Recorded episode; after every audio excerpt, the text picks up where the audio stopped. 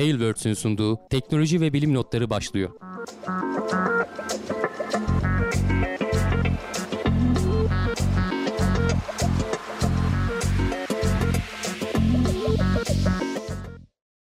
Teknoloji ve bilim notlarına hoş geldiniz. Ben Hamdi Kellecioğlu. Karşımda Volkan Ekmen var. Her hafta olduğu gibi teknoloji ve bilim dünyasından gözümüze çarpan haberlerle karşınızdayız. Nasılsın Volkan? Teşekkür ederim abi. Seni sormalı. Sen de iyisindir umarım. Ben de iyiyim. Keyfim yerinde. Ne güzel. Ee, ne uğraşıyoruz. Ee, yuvarlanıp gidiyoruz diyelim. evet e, zor zamanlardan geçtiğimiz söylenebilir açıkçası. Evet. Ee, pazartesi bu... günü bir de haftanın başı olduğu için genelde bizim yayınlara böyle sürprizli girişler oluyor. Bugün gene Tabii. dolar bayağı yükseldi. Ee, sonra gerçi galiba gene 13 seviyelerine falan ben artık takip etmeyi de bıraktım. Nasıl olsa dolarla maaş almıyorum diyerekten. çok iyi çok iyi. ya bizim, Öyle. Bizim sattığımız bütün kalemler dolara endeksli olduğu için biz açıyoruz e, şeyi izliyoruz yani. O gidiyoruz, o geri geliyoruz falan böyle. Evet, Eğlen, ürün satanlar için özellikle oluyor. yurt dışından getirip falan e, fiyatlamalar zor oluyor. O yüzden eskiden hani bir dönem dolarla liste, işte bilgisayar firmaları falan da öyle yaparlardı. Her şey dolarla listelenirdi. Sonra ondan bir vazgeçildi ama e, şimdi tekrar yani çünkü yapacak bir şey yok sürekli değişiyor. O yüzden en güzeli dolarla listelemek yani. Evet dolarla bizim de çok artık dolara geçti satışlarda verdiğimiz kalemlerin fiyatları en azından ama mesela bugün satışı durdurduk yani satmadık. Çünkü ne satıp ne aldığımızı bilmiyoruz günün sonunda. Zaten en Böyle kötüsü o değil mi? Evet, sıkıntılı yani. zamanlar o yüzden oluyor açıkçası. Kimse yani genelde piyasa şeyden şikayet etmez ya dolar yükseldi okey hani herkes ona göre ayağını denk alıyor uyduruyor ama ani dalgalanmalar Dalgalandığı piyasayı acayip zaman, etkiliyor. Evet. E çünkü ne yapıp ne ettiğini bilmiyorsun. Mesela bugün 14.60 seviyesini gördü. E şimdi bakıyorsun 13.80. Ee, yani ne aldın ne sattın arada ne oldu fiyatlarını güncellemeye kalksan bile acayip bir şeyle maruz kalıyorsun günün sonunda. Evet. Ee, hoş olmuyor açıkçası. Ama bakalım. Yani oluyor bitiyor böyle şeyler açıkçası. Şimdi haberlerimize giriş yapalım istiyorsan abi hızlıca. Girelim evet. Yani do- evet. doların Türkiye'de kendi seyri gibi e, korona da artık hayatımızın bir parçası çok çok uzun bir zamandır ve yeni yeni e, ne denir varyantlarla falan gündemde kalmaya devam edecek gibi görünüyor. Son haftalarda e, Omikron'dan bahsediyorduk. E, Aynen. Daha yeni dedik yani bütün dünyaya da yayıldı dedik. İşte hatta geçtiğimiz hafta içerisinde Türkiye'de de çıktı duyuruldu ama biz zaten hani e, geçen haftalarda diyorduk yani olmaması imkansız. Hani biz tespit edememişizdir e, şeyse bile varsa bile. E, ama işte sonuçta açıklandı. E, zaten e, İngiltere'de falan diyorlar ki hani bir ay içerisinde en geç bir ay içerisinde baskın e, varyant bu olacak diyorlar. Aynı Delta'da dedikleri gibi. Muhtemelen bizde de öyle olacak. E, hala bu arada e, doğru düzgün sonuçlar yok ama işte her hafta biraz üzerine ekleniyor. Bazı araştırmalar var. Genelde küçük çaplı bu araştırmalar. İşte Almanya'da yapılan var, Güney Afrika'da yapılan var. Hani ben şöyle genel olarak özetlersek e, ilk başta elde edilen şeye göre e, ne denir hisse göre ve yapılan işte ilk araştırmalara göre e, çok hızlı yayılıyor. E, aşılar eğer iki doz aşılıysan e, 40 kata kadar falan e, aşıları geçme yeteneği olduğundan bahsediyorlar. E, ama 3 doz aşıda bu biraz daha toparlanıyor. O yüzden en azından hani 3. dozunuz olun eksik aşılarınız kalmasın diye uyarıyor uzmanlar.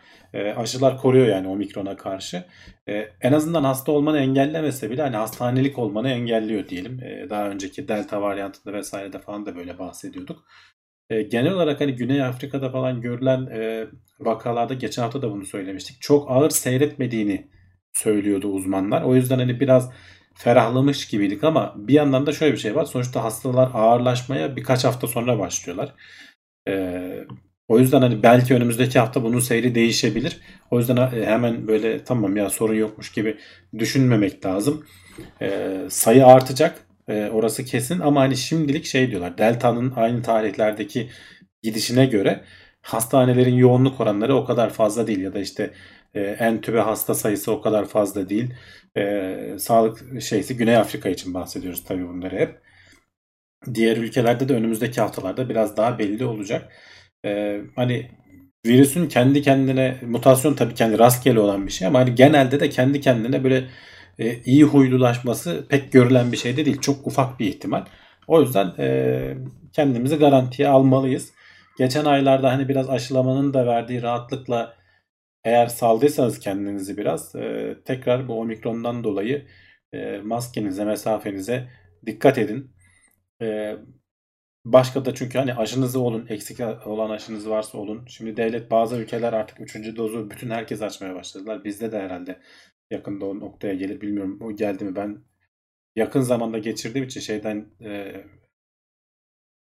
o şey almaya kalktığımda bana izin Üçüncü vermiyor. doz daha da açılmadı diye biliyorum ya. İşte şeyleri Hani- açıldı galiba. E, belli bir yaş üstünde olanlara ve e, sağlık çalışanlarına Alt, e, işte 6 ay şeylere bekletiliyor hala.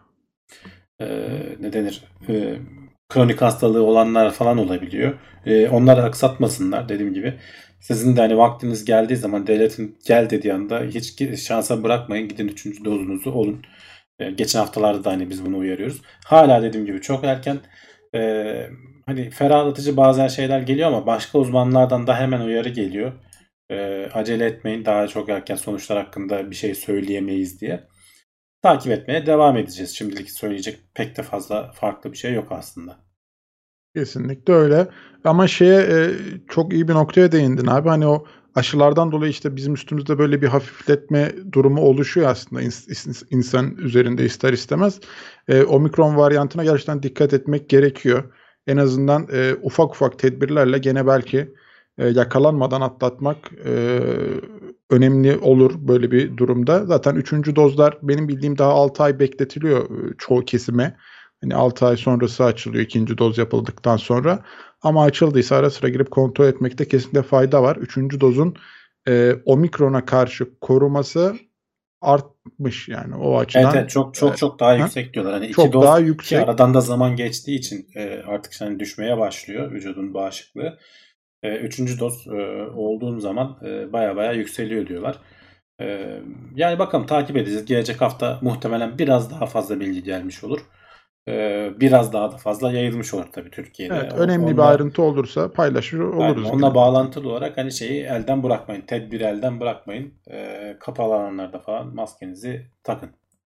Şeyi bu hafta açıkladılar değil mi? Ee, bir Türkiye'de de işte 6 tane vaka mı ne karşılaşılmış Evet, evet bu diye. hafta içerisinde işte. Ha, bu hafta içerisinde İstanbul'da oldu 5 yani. İzmir'de olmak üzere ama zaten onlar hani Biliniyordu. eğer bu kadar da yaygınsa, yaygın tahmin yayılıyorsa e, çoktan e, ipin ucu kopmuştur yani o hızlı bir şekilde. Dediğim gibi baskın e, şey olacak. Belki de buna işte pandeminin başında da diyorduk hani 6 ay sonrasında falan muhtemelen alışacağız. Gelecekte böyle hani koronayla yaşamaya alışacağız. İşte belki o süreçlerdeyiz artık.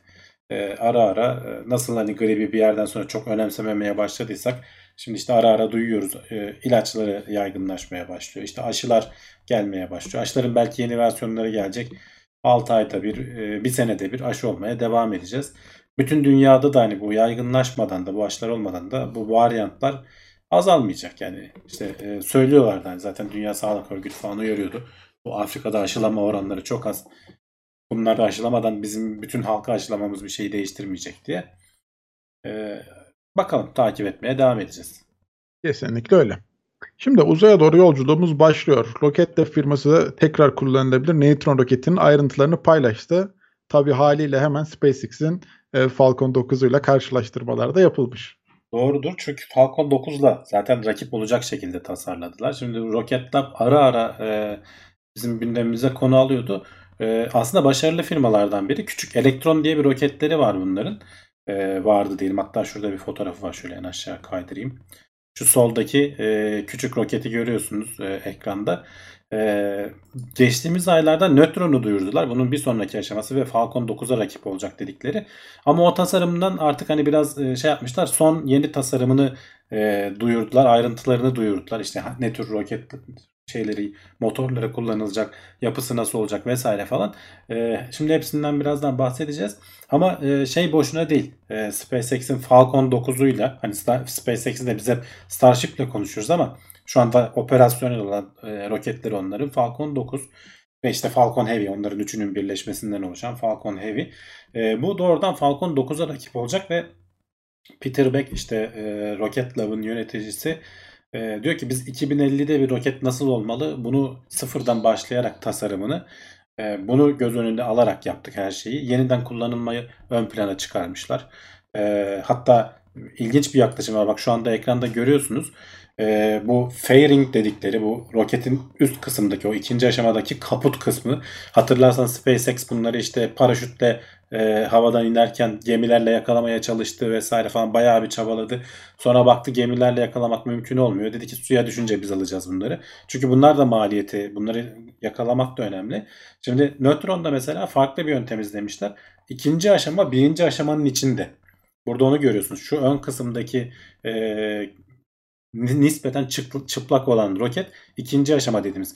Şeyi hatırlarsak Falcon 9'u hatırlarsak birinci aşama ikinci aşama dışarıda üst üste ağırlar da biniyorlar birbirinin arkasına biniyorlar. Birinci aşama ayrıldıktan sonra ikinci aşama yükselmeye devam ediyor. Burada ikinci aşama birincinin içinden çıkıyor. Ee, bu kaput işte şey gibi açılıyor. Fairingler dört parça şeklinde böyle bir ağız gibi açılıyor diyelim. Bunun içerisinde yerleşen e, ikinci aşama ki e, zaten korunduğu için etrafına falan herhangi bir şey yapman gerekmiyor. Bu ikinci aşama artık bayağı yukarıda atmosferin son derece zayıfladığı yerlerde e, çıkıyor e, meydana e, açılıp ve ortama çıkıyor. E, böyle bir tasarım gitmişler. Sonrasında tekrar işte birinci aşama şeyini kapatıyor. E, fairingleri kapatıyor. Normal roket görünümüne geri dönüp dünyada e, dikey bir şekilde inecek olarak tasarlamışlar. E, şey çok daha geniş. Roketin e, yapısı şöyle şeyi bulabilirsem e, kalınlığı çok daha geniş. 7 metre.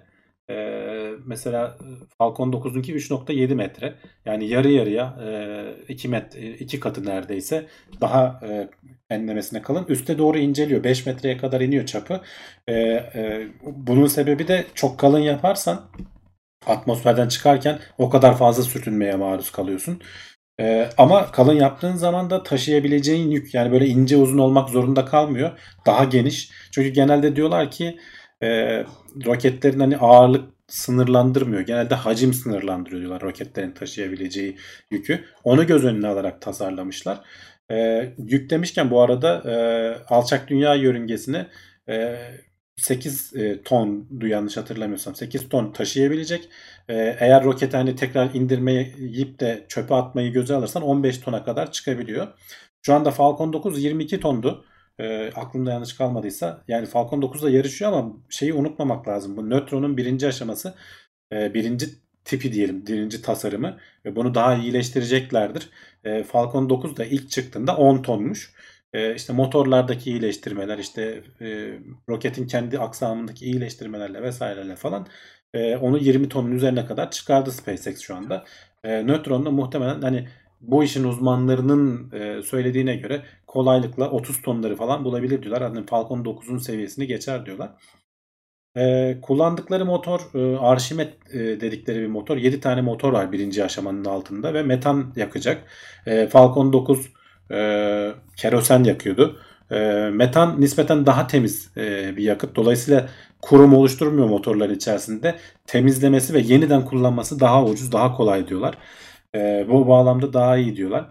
E, gene e, şeye göre, kerosenine göre ya bu o kadar çok ayrıntı giriyor ki işin içine roket tasarlarken mesela e, bir kere kullanacağın yakıt durumu değiştiriyor. Mesela şeyin ince olmasının sebebi e, Falcon 9'un 3.7 metre demiştim ya kalınlığı. ince olmasının sebebi adamların üretim tesisi fırlatma rampasından uzak yollardan geçirip götürmeleri gerekiyor. Dolayısıyla yan yatırmaları gerekiyor roketi ve yola anca öyle sığabiliyor. Bu adamların üretim tesisi e, fırlatma rampasına yakın dolayısıyla istedikleri kalınlıkta yapıyorlar. Bunu yan yatırmak zorunda da kalmıyorlar. Dikey bir şekilde o şeyi hatırlayacaktır izleyiciler. Bazen e, şeyde paylaştım hatırlıyorum ben gündemde. Böyle arabanın üstüne yerleştiriyorsun. Böyle yavaş yavaş rampaya doğru ilerletiyorsun. Dikey olduğu zaman daha riskli tabii devrilme ihtimali daha yüksek. Kesinlikle. SpaceX öyle bir sınırlandırmadan dolayı mesela 3.7 metre tasarlamak zorunda kalmış. E, e, yakıtı aynı miktarda koyman gerektiği için o zaman ince uzun yapman gerekiyor. İşte 70 metre onun uzunluğu, bunun uzunluğu 40 metrede kalıyor mesela neredeyse orada da yarı yarıya. E, bu bu kadar şey olduğu zaman alçak olduğu zaman dikey iniş yaparken hani şeyi düşün. Şöyle elinde çubuğu dik tutmaya çalıştıysan e, çocukken oynardık biz böyle süpürgeyi falan havada tutmaya çalışırdık evet. devirmeden. Aslında SpaceX onu yapmaya çalışıyor. Roketi alttan ateşlediğin zaman dik indirmeye çalıştığın bir şey e, alttan çubuğu böyle dengede tutmaya çalışıyorsun. Onu bilgisayarlar yapıyor tabii orada aslında ama e, ne kadar ince uzun olursa o kadar zor. onu dengede tutmak, stabilize tutmak. O yüzden mesela SpaceX hem yavaşlatmak bir bir yandan şey dedim atmosferden çıkarken sana sürtünme yaratıyor ama geri inerken de sürtünmeden dolayı kolay inebiliyorsun. O yüzden mesela Rocket Lab'ın e, şeyinde e, roketinde şeyler yok. O e, SpaceX'in finleri var. E, hatırlarsınız birinci aşamanın kenarlarında yavaşlatan ve yönünü e, belirleyen. O kanatçıklar yok. Sadece şöyle şu anda ekranda görülen küçük kanatçıklar var. Bunlar fırlatırken yukarı giderken pek çalışmıyorlar. Sabit duruyorlar. Dönüşte ufak tefek yön vermek adına şey yapmışlar. Dört tane ayağı var gene. Dikey inecek dedik. E, bu dört tane ayak yüzeye sabit. E, bunu e, şey gibi SpaceX'inki gibi böyle ayaklar açılabilir falan gibi bir tasarım yapmamışlar. Bunlar direkt e, sabit bir şekilde ayaklarını yerleştirmişler. E, bütün gövde karbon e, fiber, e, karbon kompozit, e, elektron da öyleydi zaten. Rocket Lab bu alanda çok e, ilerleme kaydettiğini söylüyor. Kendi e, karbon fiber e, dokuma aletleri falan var. Bu, bu konuda biz çok ilerledik. Hatta şöyle bir tane video koymuşlar. Bu videoları bu arada sitelerinden izleyebilirsiniz. E, biraz böyle hani şov şeyi işte bir metrekarelik bir e, çelik levha getirmiş. Ona böyle bir ağırlıkla çarptırıyor. Levhanın ne hale geldiğini gösteriyor. İşte e, gene sonrasında bir metrekarelik e, bir alüminyum yapalım bakalım ne olacak diye. Tabii ki çelik yamulup kalıyor yani hani buna bir darbe aldığın zaman e, çelik o şekilde kalıyor. Çelik saç diyelim. Aynısını alüminyuma yaptığın zaman alüminyum da biraz daha az yamulmakla beraber o da yamulup kalıyor. E, sonrasında işte karbon kompozite yapıyorlar. Onu şimdi göreceksiniz ekranda. Ona aynı ağırlık vurduğu zaman sekip geri gidiyor. Yani karbon kompozit çok daha dayanıklı diyorlar. Ama tabii ki hani bu hikayenin tamamını anlatmıyor. Sen tasarımını düzgün bir şekilde yaparsan Falcon 9 bu arada alüminyum. E, Starship biliyorsun e, çelik kullandılar. E, alüminyum değil. Alüminyumu işlemesi zor. E, işte bir darbe marbe aldığı zaman geri toparlayamıyorsun. E, çeliği işlemesi çok kolay. Starship'in mesela SpaceX'in e, çeliği tercih etmesinin sebebi e, çok daha hızlı üretip e, hemen kullanıp yenilerini üretip üretip gerekirse patlatalım e, mantığıyla çalışıyorlar. Hani buna biraz e, Rus ekolü deniyor. Ruslar da mesela ilk şeylerde e, uzay yarışının başında hızlı roket üretip e, Amerikalıları geride bırakmışlar. Bir de Alman ekolü var. Onlar böyle diğer mesela Boeing gibi e, işte şey gibi e, Blue Origin gibi firmalar o ekolde çalışıyor diyorlar.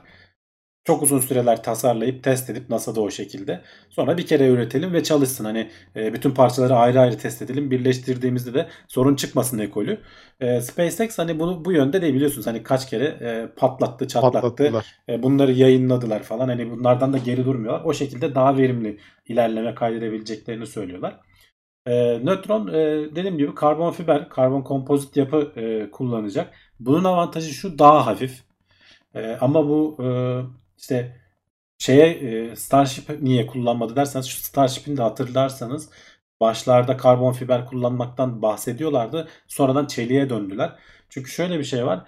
E, Starship çok daha büyük. E, Falcon 9'dan bahsetmiyorum. Falcon 9'un ikinci aşamasını kurtarmıyor bile SpaceX. O mutlaka çöpe gidiyor. Sadece işte kaputlar yakalanabilirse denizde onları alıyor. Bunun şey de bu arada e, nötron da ikinci aşamayı kurtarmayacaklar. Çünkü ama onu zaten olabilecek en ucuz şekilde tasarlıyor adamlar. Hani az önce görüntülerini gördünüz. E, adamlar hani e, tamamen çıplak bir e, roket olacak şekilde ikinci aşamayı şey yapmışlar. E, birinci aşama e, o kadar yükseğe gitmediği için nispeten hafif yani düşük hızlarda dünyaya döndüğünde o kadar ısınmıyor ve geniş bir yüzeyi olduğu için kendi kendini yavaşlatabiliyor. Nötronun e, şeyi kullanabilmesi bu bakımdan e, ona avantaj sağlıyor. Karbon fiber orada avantaj sağlıyor. Ama Starship'te çok daha yükseğe gidecek ikinci aşama ve o da dünyaya dönüp e, işte şu belly flop dediğimiz şey var. Yatay bir şekilde kendini yavaşlatarak inecek. Bu esnada çok fazla ısınıyor. Karbon fiberin hafif olması bir avantaj, işte darbelere dayanması bir avantaj ama ısı, ısıya karşı dayanıklılığı çok kötü. Kötü dedim de gene hani 200 derecelere falan dayanıyor ama e, çelik 800 dereceye kadar dayanıyor. 700-800 dereceye kadar dayanıyor. SpaceX o yüzden bir yandan da onu tercih etti. Yani aslında olay tamamen tasarımlar, e, takip etmek istediğin yol haritası ve tasarladığın ürün e, bazında değişiyor. Dediğim gibi fabrikanın fırlatma rampasına uzunluğu bile işin içine giriyor. E, kullanacağın yakıt, kullanacağın motorlar mesela diyorlar ki burada Arşimet motorları e, tam performansla çalışmayacak muhtemelen. Çok daha düşük basınçlarda çalışacak. E, bu bir avantaj sağlayacak. E, çünkü yüksek performansla çalıştığın zaman basınçlar falan çok yüksek oluyor. Altından kalkılamaz hale geliyor ve roketlerin patlaması çatlaması çok daha fazla oluyor diyorlar. Mesela Blue Origin'in BE-4 roketi var. E, bir türlü daha kullanım noktasına getiremediler. E, hala uğraşıyorlar ama işte SpaceX ve işte e, Neutron'da da daha Archimedes motorları hani daha test aşamasında ilk ateşlemeyi önümüzdeki yıl yapacaklar. E, daha düşük basınçlarla çalıştığı için ki bundan hani gitgide e, arttıracaklarını yeni versiyonlarla arttırabileceklerini düşünebiliriz şimdiden. E, şey de aşınma vesaire falan da daha az oluyor. O yüzden daha uzun süre kullanabiliyorsun aynı motoru. Hani bir 3 kere gönderip sonra çöpe atacaksan 5 kereden sonra atıyorsun falan. Bunlar hep maliyetleri düşürüyor. Sonuçta Falcon 9'a e, önemli bir rakip geldi. E, henüz daha ortada yok. Ama önümüzdeki yıllarda net, bir tarihte açıklamadılar bu arada. Hani şu tarihte uçuracağız biz fırlatacağız da demediler. Sadece motorun e, önümüzdeki yıl ateşleneceğinden bahsettiler. Yani birkaç yılı var daha. E, Peter Beck işte bu e, şeyin sahibi, e, yöneticisi, e, Rocket Lab'ın yöneticisi dedi ki e, önümüzdeki 10 yıl içerisinde e, alçak dünya yörüngesine pek çok şeyin e, ne denir uydu takımının fırlatıldığını göreceğiz. İşte Starlink'te olduğu gibi. E, onun rakipleri de çıkıyor biliyorsun. İşte OneWeb var. İşte Kuiper vesaire falan. Hani onun bir sürü alternatifi var. Bunları göreceğiz. Burada çok büyük bir pazar var. Biz de bu pazardan payımızı alacağız diyorlar. Falcon 9'da ciddi alternatiflerden biri olacak gibi görünüyor. Hatta NASA'dan falan bile şey alacaktır muhtemelen. NASA hani tek bir e, satıcıya bağlı kalmamak adına e, ileride e, kendini kanıtladıktan sonra oradan bile ISS'e yolcu taşıma vesaire falan. Yolcu taşıma gerçi olmaz o. Kargo taşıma olabilir de yolcu için biliyorsun o kapsül mapsül bambaşka işler. E, SpaceX'e şimdilik hani ciddi rakiplerden biri. E, Elektron da çünkü hani bir önceki küçük çaplı roketleri de e, fena değildi. Yani daha önce de hani onun e, sorunlar yaşadığına şey olduk. Birkaç kere bizim gündemimize konuk oldular ama kaç seferdir de sorunsuz bir şekilde e, yüklerini taşımayı başarıyorlar. Oradan da hani bir yandan e, firma gelir elde ediyor. Bakalım hani takip etmeye devam edeceğiz. İlginç tasarımlar, e, yeni nesil e, şeyler görmek keyifli her zaman. Ya kesinlikle yani o duyguları tekrar yaşatacak bir firmanın e, böyle güzel bir yol haritasıyla bu işe girişiyor olması e, gerçekten takdire şayan. E, SpaceX o konuda tabii ki şu an çok önde yetişmek gerçekten çok zor. E, ama en azından e, ben yol haritasının doğru olduğunu düşünüyorum. Hedefler güzel görünüyor. E, güzel yerlere de gelebilirler diye düşünüyorum açıkçası. Ya şeyi söyleyelim. Hani bu Hı-hı. bak zaten şimdi seviye farkı var. Şimdi SpaceX'in çabaladığı şey Starship. Eğer onu Kesinlikle. başarabilirlerse ki hani orada da bir yol kat etti adamlar. O zaten oyunu değiştiren bir şey. Bambaşka bir şey. Ama bu demek değil ki Neutron işe yaramayacak veya Falcon 9 işe yaramayacak. Yani Starship'i de her yere kullanmak zorunda değilsin. Sonuçta hani e, kaldı ki SpaceX'in Starship'i hani %100 başarıyla çalıştırıp çalıştırmayacağının da bir garantisi yok. Firma burada biraz da risk alıyor aslında bu alana girerek. Ee, belki onların da ileride hani bu nötronu başardıktan sonra onlar da daha büyüklerini şey yapacaklar. Geçen hafta konuşmuştuk işte Starship başarılı olma ihtimali belirdikçe ufukta e, bilim insanlarını falan bile heyecanlanıyorlar. Hani ya bununla biz ne görevler yaparız? Mars'a şunu öyle, göndeririz işte Jüpiter'e bunu göndeririz falan diye. E, o başka bir lig. Yani hani o Şampiyonlar Ligi diyelim. Bu işte daha alt seviye UEFA kupası falan gibi bir durum yani. Şu an için. Güzel. Kesinlikle öyle. E, ama tabii ki mesela orada da şey devreye giriyor. Mesela NASA'nın tek bir yatırımcıya e, senin de dediğin gibi bel bağlamak yerine farklı bir alternatifi olmasını isteyecektir kesinlikle.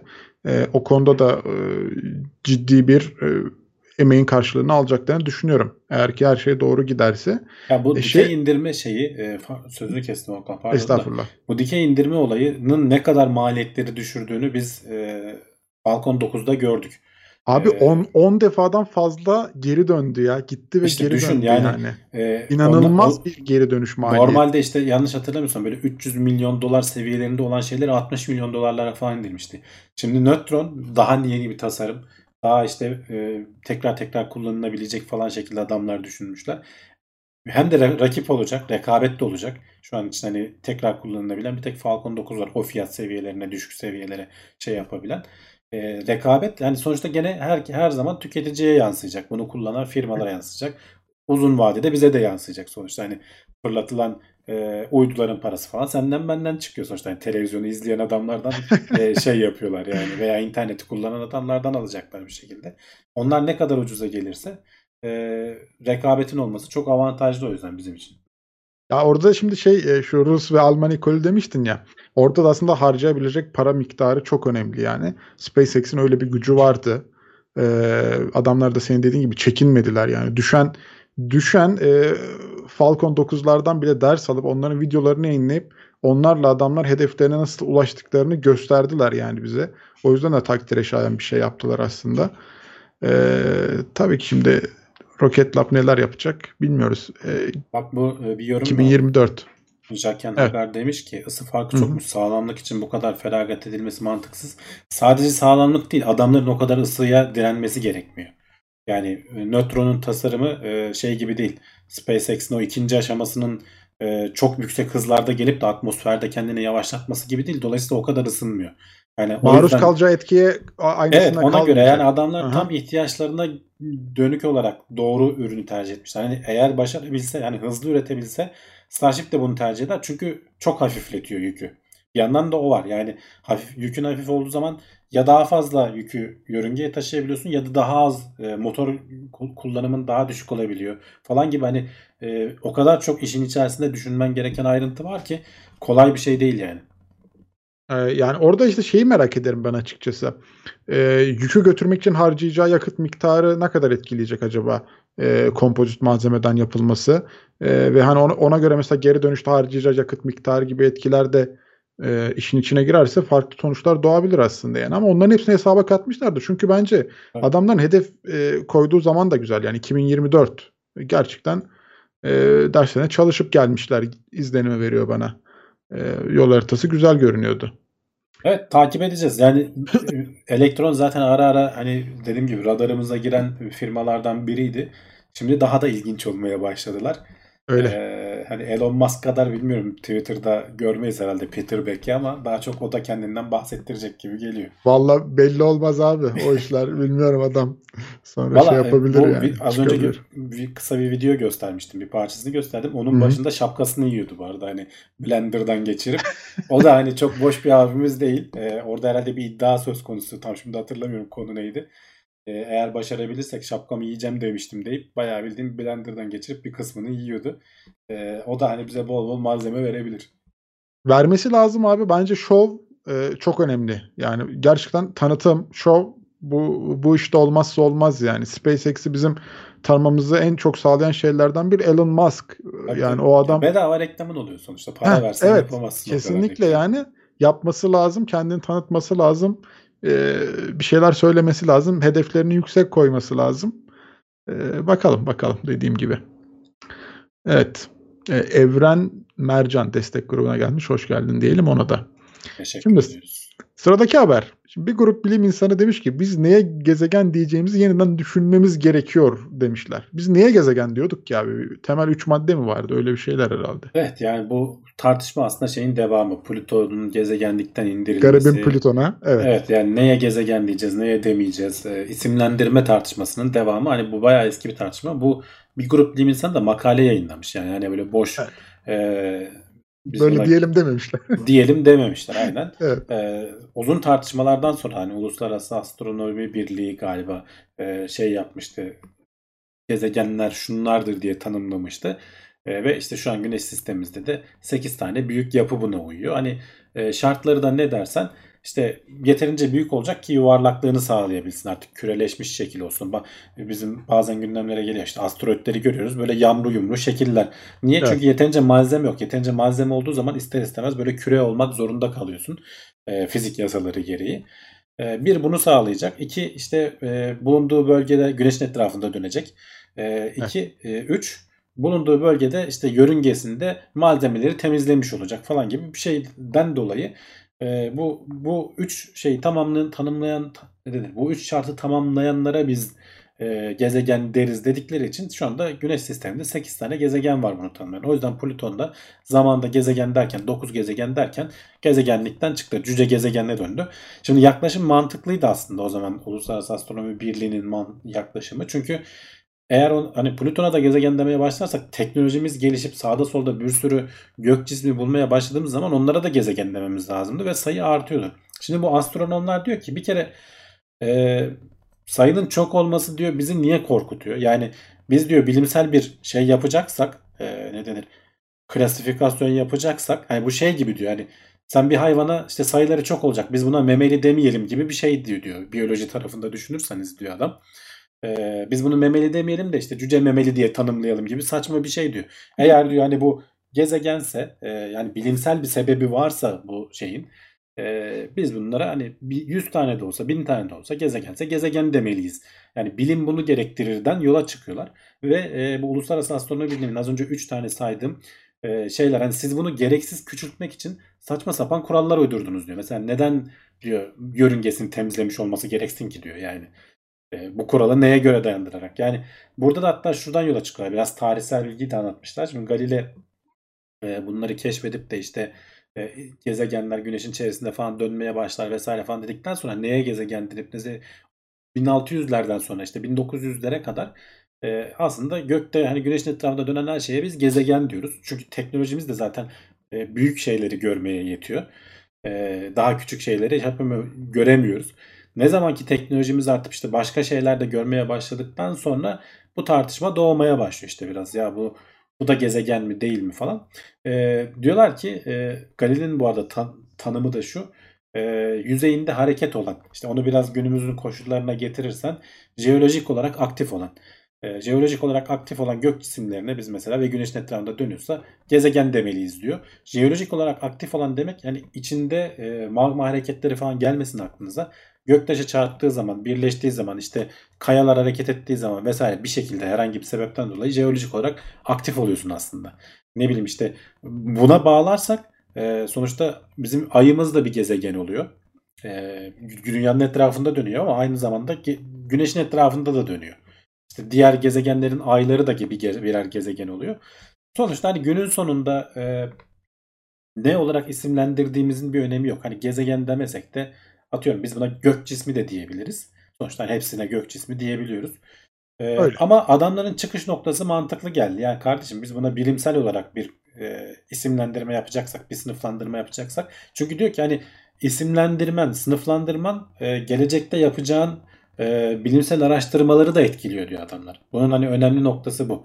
Sen bir şeye gezegen deyip e, onu önemsemeye başladığın zaman bilinç altında e, ona bakışın, işte sorgu, sorduğun sorular, yönelttiğin sorular, yaptığın görevler buna göre şekil alıyor. Dolayısıyla bizim bilimsellikten uzaklaşmayıp işte hatta Uluslararası Astronomi Birliği'nin e, bu üç maddesinde şey diyorlar hani genel kültürden ve işte böyle masallardan yola çıkarak uydurulmuş e, şeyler. Hani siz 8 taneyle 10 taneyle 9 taneyle neyse işte gelecekte bulacaklarımızın sayısıyla birlikte sınırlamayı tercih ettiniz ama bilimsel yöntem bu değil diyorlar. Bu bana mantıklı geliyor. Hani bu şekilde iddia. Ama bir yandan da hani her şeye de gezegen dersek ne olacak? Onu da nasıl işin içinden çıkacağız? Ee, hani çok da zor olmaz sonuçta hani Ay ise ay işte yani hani uydu desen ne olur, gezegen desen ne olur. İsimlendirmenin çok da bence o kadar da bir önemi yok. Ama bu hani derler ya bu pilav daha çok su kaldırır diye e, bu böyle devam edecek gibi görünüyor. Ya işte e, aslında orada Plüton yani bu işte e, hakkı yenen gezegen cüce gezegen sınıfına düşürülüp e, ama tabii ki hani bilmiyorum mesela ders kitaplarında gezegenler hep önemli bir konu olarak işlenir. Ona göre hep şey yapılır işte eskiden 9 tane vardı şimdi 8 tane e, oldu. E, ona göre e, anlatılır. Hani biz onu aslında bir anlamda yüklemişiz. Güneşin etrafında dönüyorlar diye. Şimdi birden çok olursa hani anlamı evet gerçekten değişebilir. Hani bizim için gezegenler önemli statüde olan bir kesime tekabül ediyor. Ee, hani birden fazla yani üstte ya da daha çok işte 15, 20, 50, 100 olması e, onlara bakış açımızı değiştirir mi? E, belki de o açıdan da bakıp da yorumlanabilir bu konu. Ama bilmiyorum tabii şimdi asıl önemli soru yaşanabilir gezegenler bence. Yaşanabilirliği varsa gezegen diyelim derim ben de o Değil zaman mi? yani. Ama işte bunu Hani bir bilimsel temele dayandırman E, lazım. dayandırmak neden, lazım. Neden evet, diyeceğiz diye. yani Yani bu adamlar en azından hani hem tarihsel olarak bir sebebini anlatmışlar. Hani Galileo'dan beri bu böyle geliyor diye. hem de bilimsel olarak diyorlar ki yani sizin bu sınıflandırmanızın bir, bir mantığı yok yani. Ne, siz diyorlar hani biraz astrolojinin ve işte şeyin e, etkisinde kalarak bunu. Çünkü e, 1910'lardan sonra 30'lardan sonra falan biraz bu astronomi falan makaleler falan azalmaya başladığı zaman astroloji falan tam da o tarihlerde ortaya çıkıyor. Onlar da böyle işi fazla karıştırmamak için böyle gezegen, büyük gezegenlerden işte onların hareketlerinden hem de tarihsel olarak da göz çıplak gözle onlar görülebildiği için sadece 5 tanesi görülebiliyor. Ee, onlardan yola çıkıyorlar. Aslında bir sürü gök cismi var yani. Ee, onlar etki ediyorsa hani büyük gezegenler etki ediyorsa onlar da bizim üzerimizde etki edebilirler falan gibi. Onların etkisinde kaldığınız için siz de hani bu e, gezegenlerin sayısını sınırlamaya çalışıyorsunuz falan gibi hani iddiaları var. E, hani dile getirmiş olmak için söyledim. Yoksa dediğim gibi hani isimlendirme bence o kadar da çok günü işte, işte hayatın sonucunu değiştirmez yani gözlemlerin sonucunu orası değiştirmez. Öyle, orası öyle. Ünsal Pluton, Hanoğlu demiş ki. Pluton evet. olsun demişler. Önemlisi o. 80, 82. Ee, Hünsan Hanoğlu demiş Satürn o zaman gezegen değil bunların mantığına göre. Yani ne açıdan onu ben tam ya o herhalde etrafını saydım. temizlemediği anlamında. Ee, yani halkaları var ama sonuçta yörüngesinde pek bir şey bırakmamıştır yani. Evet, evet. O bağlamda ee, gezegendir. Uydudan gezegen mi olur? O kadar genelleme de fazla demiş Caner. Ya işte orada hani sınırı nereden çizeceğin önemli. Niye, niye çizeceğin önemli. Yani genelleme de fazla evet bana da öyle geliyor ama bilimsel olarak bir şey koyacaksak, sınır koyacaksak sebeplerini ona göre belirleyip koymamız lazım. Yani kafamıza göre koymamamız lazım. Bu hani haberin ana fikri bu aslında. Şimdi sıradaki haberimiz NASA yeni nesil göktaşı izleme sistemini devreye almış abi. Artık daha güvende miyiz? En azından göktaşı e, yağmurlarına ya da o, tür şeylere evet, karşı. Yani e, hayatımızı sona erdirecek büyük devasa göktaşlarını Near Earth Asteroid deniyor buna. Dünyaya yakın göktaşları e, sürekli takip ediliyor. En son hani her yıl 3 3000 tane falan ekleniyormuş buna. Şu an 28 bin küsürdeymiş sayı. E, Sentry diye bir şey var. Sentry aynı zamanda e, nöbetçi falan gibi de bir anlamı var. Yanlış bilmiyorsam e, sürekli gözlemliyor yani gözcü falan gibi bir anlamı var. Sentry 2 e, yayına alınmış. E, daha tabii ki gelişmiş versiyonu. E, bir önceki 20 yıldır falan kullanılan versiyon. Bununla daha hassas e, kontroller yapabiliyoruz. Şimdi bu gök taşlarının takip edilmesi zor. Yörüngelerinin belirlenmesi hiç kolay değil. Çünkü bir e, küçük oldukları için çok fazla etkiden e, etraflarındaki mesela dünyaya yaklaştıkları zaman o kütle çekiminin onları nasıl etkileyeceğini bilmiyoruz. Çünkü e, kütle çekimleri de sabit değil. Dünyanın mesela hani yuvarlak olması ki dünyanın bile belli yerlerinde kütle çekimi değişiyor. Bu göktaşların yağmuru yumru olması, işte belli yerlerde daha ağır olması falan her şeyi değiştirebiliyor. Ya da e, kendi etrafında mesela yavaş dönüyorsa sürekli belli bir yerden güneş alması. Yankowski efekt miydi neydi öyle bir şey var bir yerden güneş alması sonra işte öteki tarafa döndüğü zaman güneşe öteki yüzün döndüğü zaman o sıcaklığın atmosfere yayılırken o fotonların itici kuvvetiyle hafif olduğu için yönü değişebiliyor falan. Yani bunlar o kadar çok küçük etki işin içine giriyor ki hesaplaması çok zor. evet. Ne oldu neye güldün? Yok yani o şeye gülüyorum yani toz, toz konsa yörüngesi değişiyor yani o kadar şey ki. Evet o yüzden hesaplaması çok zor. E, hatta şurada bir videosu var yani dünyanın yakınından geçerken mesela e, bir asteroid var. E, olasılıklar olarak hani ne olabilir diye önceden hesaplayıp sonra bu olasılıkların üzerinden plan yapıyorsun. Mesela bu bir gök taşı birden fazla parçaya bölünmüyor. Sadece tahmin edilen yörüngelerini görüyorsun şu anda. Böyle yayılarak gidiyor. Bilgisayar onu uzun vadede hesapladıkça ee, bir de başka göktaşlarının falan hani başka gezegenlerin veya işte uyduların yakınlarından geçtiğini falan düşünürsen bu hesaplama gitgide karmaşıklaşıyor. Ee, o yüzden e, bu teknoloji çok önemli. E, bilgisayarlar gelişti, devir değişti. E, bir, bir önceki dediğim gibi 20 yıl öncesinin teknolojisi, takip etme sistemleri değişti. Dolayısıyla çok çok daha verimli, çok çok daha hassas e, oranda bize e, şeyi verebilecek diyorlar. Yani bir göktaşını tespit ettiğimizde birkaç saat içerisinde 100 yıl sonra nerede olabileceğinin çünkü şöyle bir şey var. Ee, şimdi çarpmıyor ama 100 yıl sonra çarpabiliyor dünyaya. Yani bunun hesaplanması lazım. Bizim için tabii hani acil olan böyle 1-2 yıl sonra, 5 yıl sonra, 10 yıl sonra çarpacak olanları tespit etmek.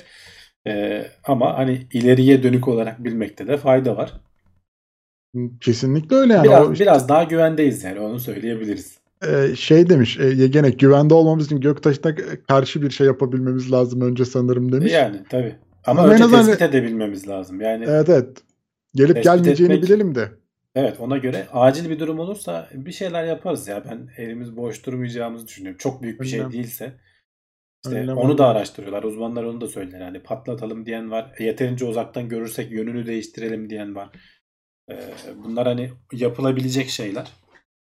Bir Falcon En, 9'la en az ama hani 1-2 yıl önceden falan hani tahmin etmemiz lazım ki görev hazırlansın, fırlatılsın ve e, şey yapılsın. bir de ne yapacağımızı da karar vermemiz de uzun sürer yani. Yani 3 3 ay önceden görürsek yapacak hiçbir şey yok o zaman. Siper Artık alacağız. ondan sonra yani. sığınaklara.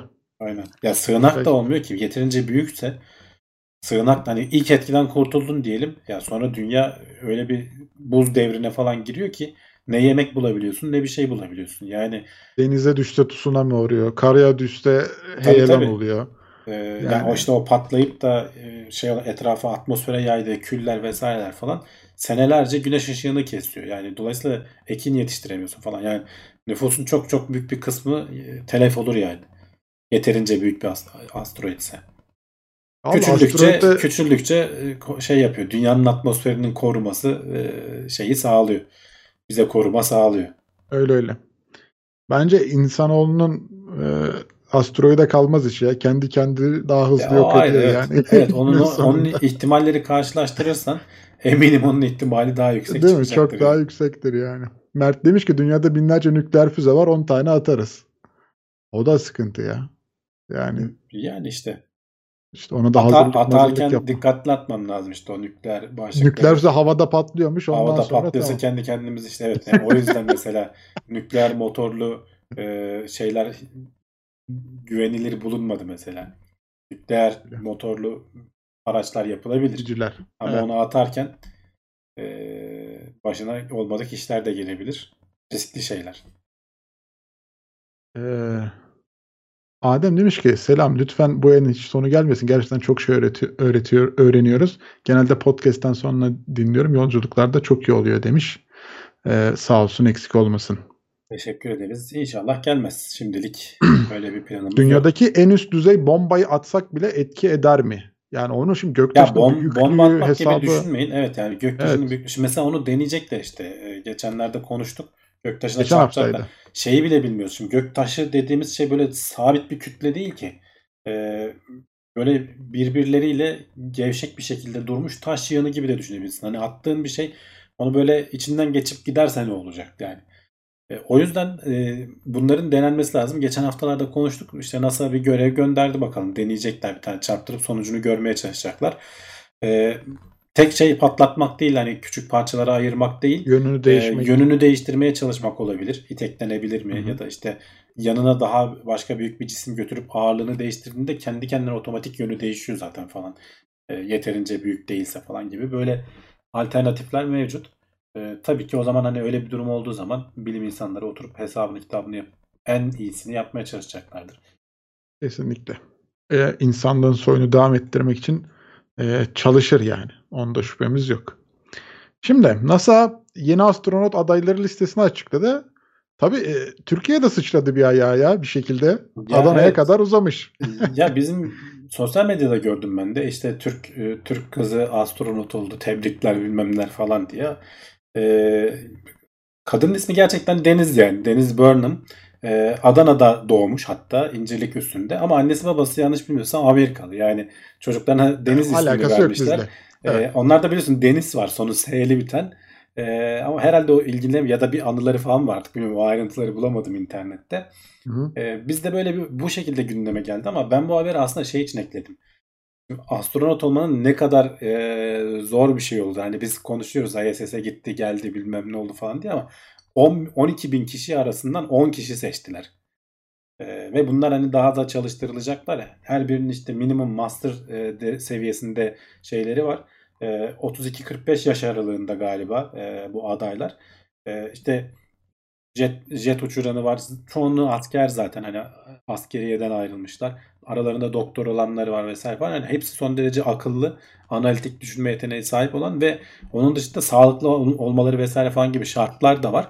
Şimdi bu kişilerin önemi şu. E, NASA'nın biliyorsun Artemis görevleri var. İşte Starship olursa Mars'a gidilecek vesaire. Şu fotoğrafta gördüğünüz kişilerden muhtemelen önümüzdeki 10 yıl içerisinde falan birileri Ay'a gidecek.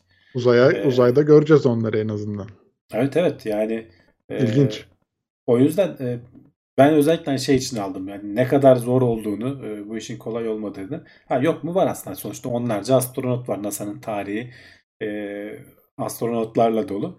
E, biz tabii biraz aşırı sevindik falan. İleride olur inşallah. Hani kendi e, şeyimiz e, Türk astronotu. Özbe öz Türk. Ö, özbe Sadece adı değil. anası babası Türk. E, yani önemli olan hani astronotun olması değil. O görevi bunu devam ettirebilme. Yani o görevi sağlayabilecek başkaları da olması. Belki kendi üstümüzün olması. İnşallah olur. Hani yavaş yavaş e, oraya doğru ilerliyoruz en azından. Ufak da olsa adımlarımız başladı diyelim. İyim, iyimser olalım. Kesinlikle öyle. Ee, ya, yani çok ilginç bir... çok ilginç tipler var bu arada da. Bu haberi okuyanlar hafif böyle hani adayları tanıtmışlar. Ee, mesela Christina Börsch'tü galiba.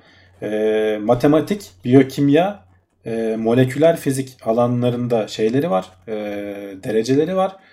E, biyoloji mühendisliği alanında doktora yapmış MIT'de. Sonra akademiyi bırakmış e, Amerika'nın e, bisiklet takımına katılmış, olimpiyatlara katılmış ve Dünya Kupası kazanmış falan. Yani e, o yüzden diyorum hani hakikaten böyle e, 10 binde bir seviyelerinde adamları seçiyorlar. Kesinlikle öyle ya ama yani çünkü o adamın sonuna kadar kullanman lazım. Orada her herhangi bir işte o adamın bilgisi çok önemli yani. Tabii tabii. Ee, orada çalıştıracağın alana göre bilgisi çok önemli. O yüzden Öyle sıradan birileri olmasını tabii ki e, beklemiyoruz. Yegenek demiş ki bizim astronot olabilme ihtimalimizin durumu işte. Ya evet onun yani, için çok çalışmak lazım. Yaş olarak e, geç değil. E, 30 dedim ne dedim 32 ile o 45 yaş arası. Ama bir kere master derecen varsa zaten başvurabiliyorsun. Master seviyesinde bir şey istiyorlar. Ya da doktorlar için e, doktorsan hani onları master'dan sayıyorlar. Onların okulu falan da uzun olduğu için. E, falan filan. Hani böyle ayrıntıları var. Ama zaten Amerikan vatandaşı olman gerekiyor. o yüzden şu an için hani Türkler yarın bir gün açana kadar e, bizim şey e, astronot ne denir programını e, bizim hiç şansımız yok. Biz Kesinlikle. biz özel sektöre bakacağız. Yapacak bir şey yok. Bu arada özel sektör demişken e, uzay haberlerini bitirdik ama bir iki hani geçen hafta buraya artık almadığım Blue Origin gene e, 6 kişiyi gönderdi uzayın sınırına kadar. Biraz geçtiler işte 110 kilometreye kadar çıkıp geri geldiler. E, artık haber olarak almıyorum onu. E, sıradanlaştı. E, onun dışında ISS'e Japon milyarder gitti. Yusaku Mayazawa mıydı neydi? Aynı kişinin SpaceX ile bir anlaşması var. Starship'in bir göreviyle ayın etrafında da dönecek. Bu abimiz parayı uzaya gömüyor belli ki. Belli ne ya? ISS'e gitti yanındaki ekibiyle. E, ah. Bir kişilik bir ekibi var. O Soyuz kullanarak gittiler. E, şu an hala orada geri dönmedi takip edebildiğim kadarıyla. Hani bir hafta 10 gün falan kalıp işte çekimlerini yapıyor vesaire falan. E, keyfine bakıyor yani şu an için öyle diyelim. E, biz onlara bakacağız. Hani bunlar yaygınlaştığı zaman astronot hani şey olarak olmayacağız belki ama bu arada birkaç hafta e, ay önce FAA e, bu gidenler için kanatçık takıyordu hatırlarsan. Evet. Onun şartlarını değiştirmişti demiştik. E, çünkü haberi herkes böyle gitmeye başlarsa herkese kanatçık dağıtılacaktı işte falan. E, geçenlerde geçen hafta içinde bir açıklama yaptılar. Biz komple bıraktık bu kanat manat işini diyorlar. Kanat vermiyoruz kimse. Vermiyoruz kimse. Sadece bu yılın sonuna kadar gidenlere verecekler. 2022'den ee, sonra kanatçık falan dağıtılmayacakmış. Bunu zaten hani 2004'te başlattıkları bir süreç. Hani insanların dikkatini bu alana çekmek için biz yapmıştık.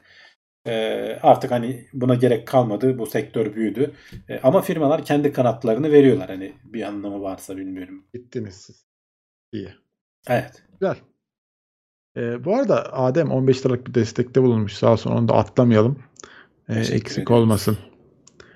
Dünyada e, her işe bir adam veriliyor. Uzayda üç işe bir adam veriliyor demek de, veriliyor demek demiş Mert Altıparmak. Evet, önemli çünkü adam ne kadar az yani, o kadar iyi. Tabii zaten çok adam gönderemiyorsun.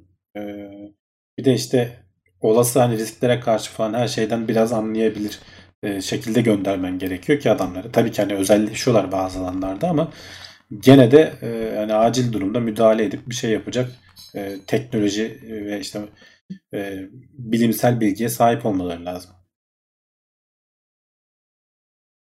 Ee, Osman demiş ki astronot olabilmek için eğitim ve fiziksel yeterliğe sahip olduğu halde en çok elenme sebebi psikoloji testleridir. Çoğu kişi o testten geçemez. Ona da bakıyorlardır kesinlikle. Orada Tabii. uyumlu yaşayabiliyor olman. Ya ona rağmen şeyler hele bir de işte uzun lazım. görevler olursa e, sorun olacak. Şeyi Hı. hatırlarsanız şu bir ara e, Soyuz kapsülünde bir delik çıkmıştı ISS'te hatırlıyor musunuz? E, hı. oradan hava kaçıyordu sonra kapattılar falan. Sonra o delik dünyada mı oldu işte uzayda mı oldu tartışması oldu. Biraz Roskosmos suçladı NASA falan. Ama sonradan anlaşıldı ki şimdi pek ortama gündeme düşmüyor. E, Roskosmos dava açmış. Amerikalı bir kadın astronot e, erken dönebilmek için gitmiş delik açmış. E, hala söylenti tabii ben hani tırnak içerisinde söyleyeyim. Dava konusu bu yani. Hani adamlar bunun peşindeler. Roskosmos bunun peşinde. Bizim malımızı deldi diye. e, psikoloji o yüzden önemli. Çünkü dünyadaki erkek arkadaşımı ne bir şey mi olacakmış, boşanacak mıymış, ayrılacak mıymış, neymiş? Erken dönmeye karar vermiş. Çünkü oraya gittin böyle kafana göre gelemiyorsun. E, zamanını Görevini beklemen tamamlaman lazım. Tabii 3 kişi gidiyor 3 kişi dönüyorsun ya da 4 kişi gidip 4 kişi dönüyorsun falan gibi hani böyle şeyler var. Ee, ama işte onu yapabiliyor insan sonuçta.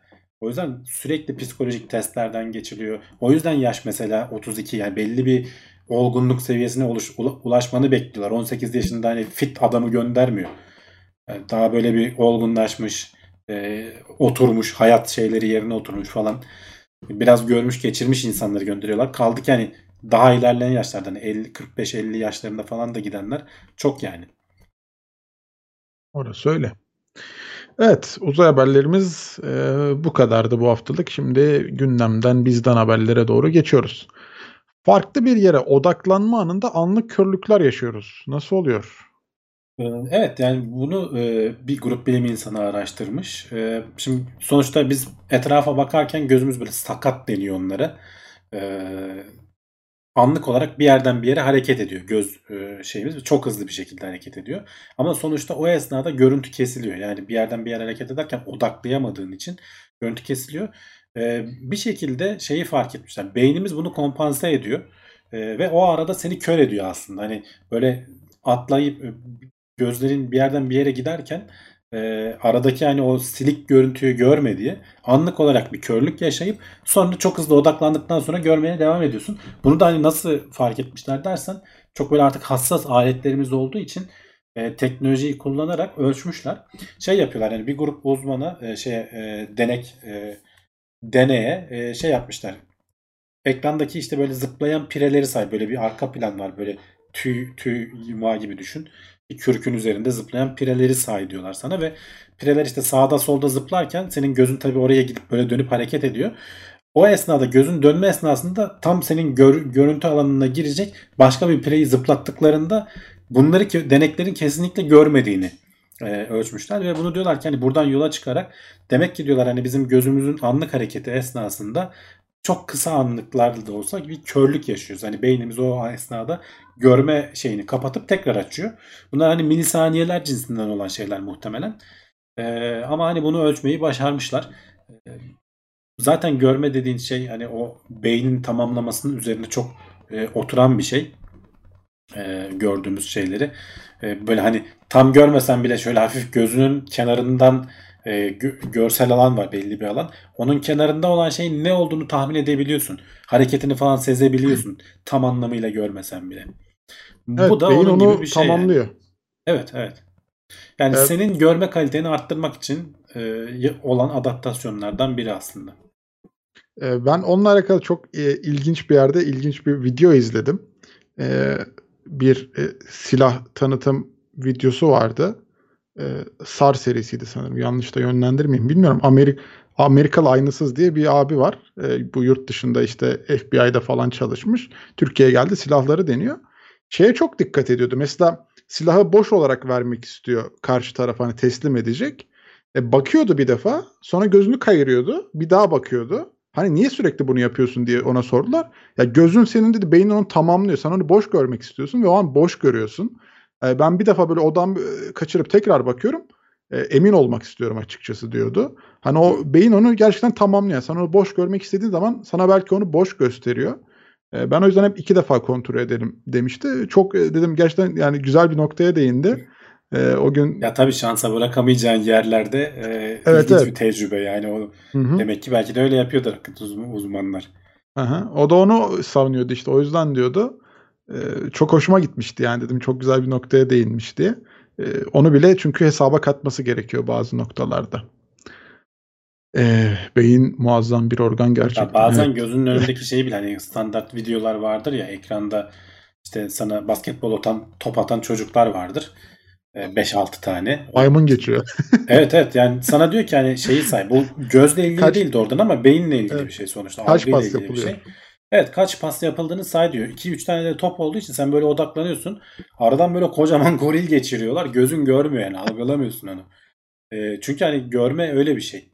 Ee, şeyde BBC'nin bir belgeseli vardı renkler üzerine. O da çok ilginç. Mesela renkleri algılamamız da çok tamamen nispeten yapılar hani görecelik üzerine çalışan bir sistem. Ee, muzun sarı olması gerektiğini biliyorsun. Sarı olmasa bile gözün sarı görüyor onu orada. Öyle bir koyuyor ki bak diyor bu sarı değil diyor. Ee, siyah beyaz muzu bayağı bildiğin sarı görüyorsun ekranda. Sonra yanına başka bir ona görece başka bir şey getirdiğinde aa lan hakikaten siyah beyazmış falan oluyorsun. Ee, beyin ve göz çok değişik çalışma mekanizmaları var. Evet.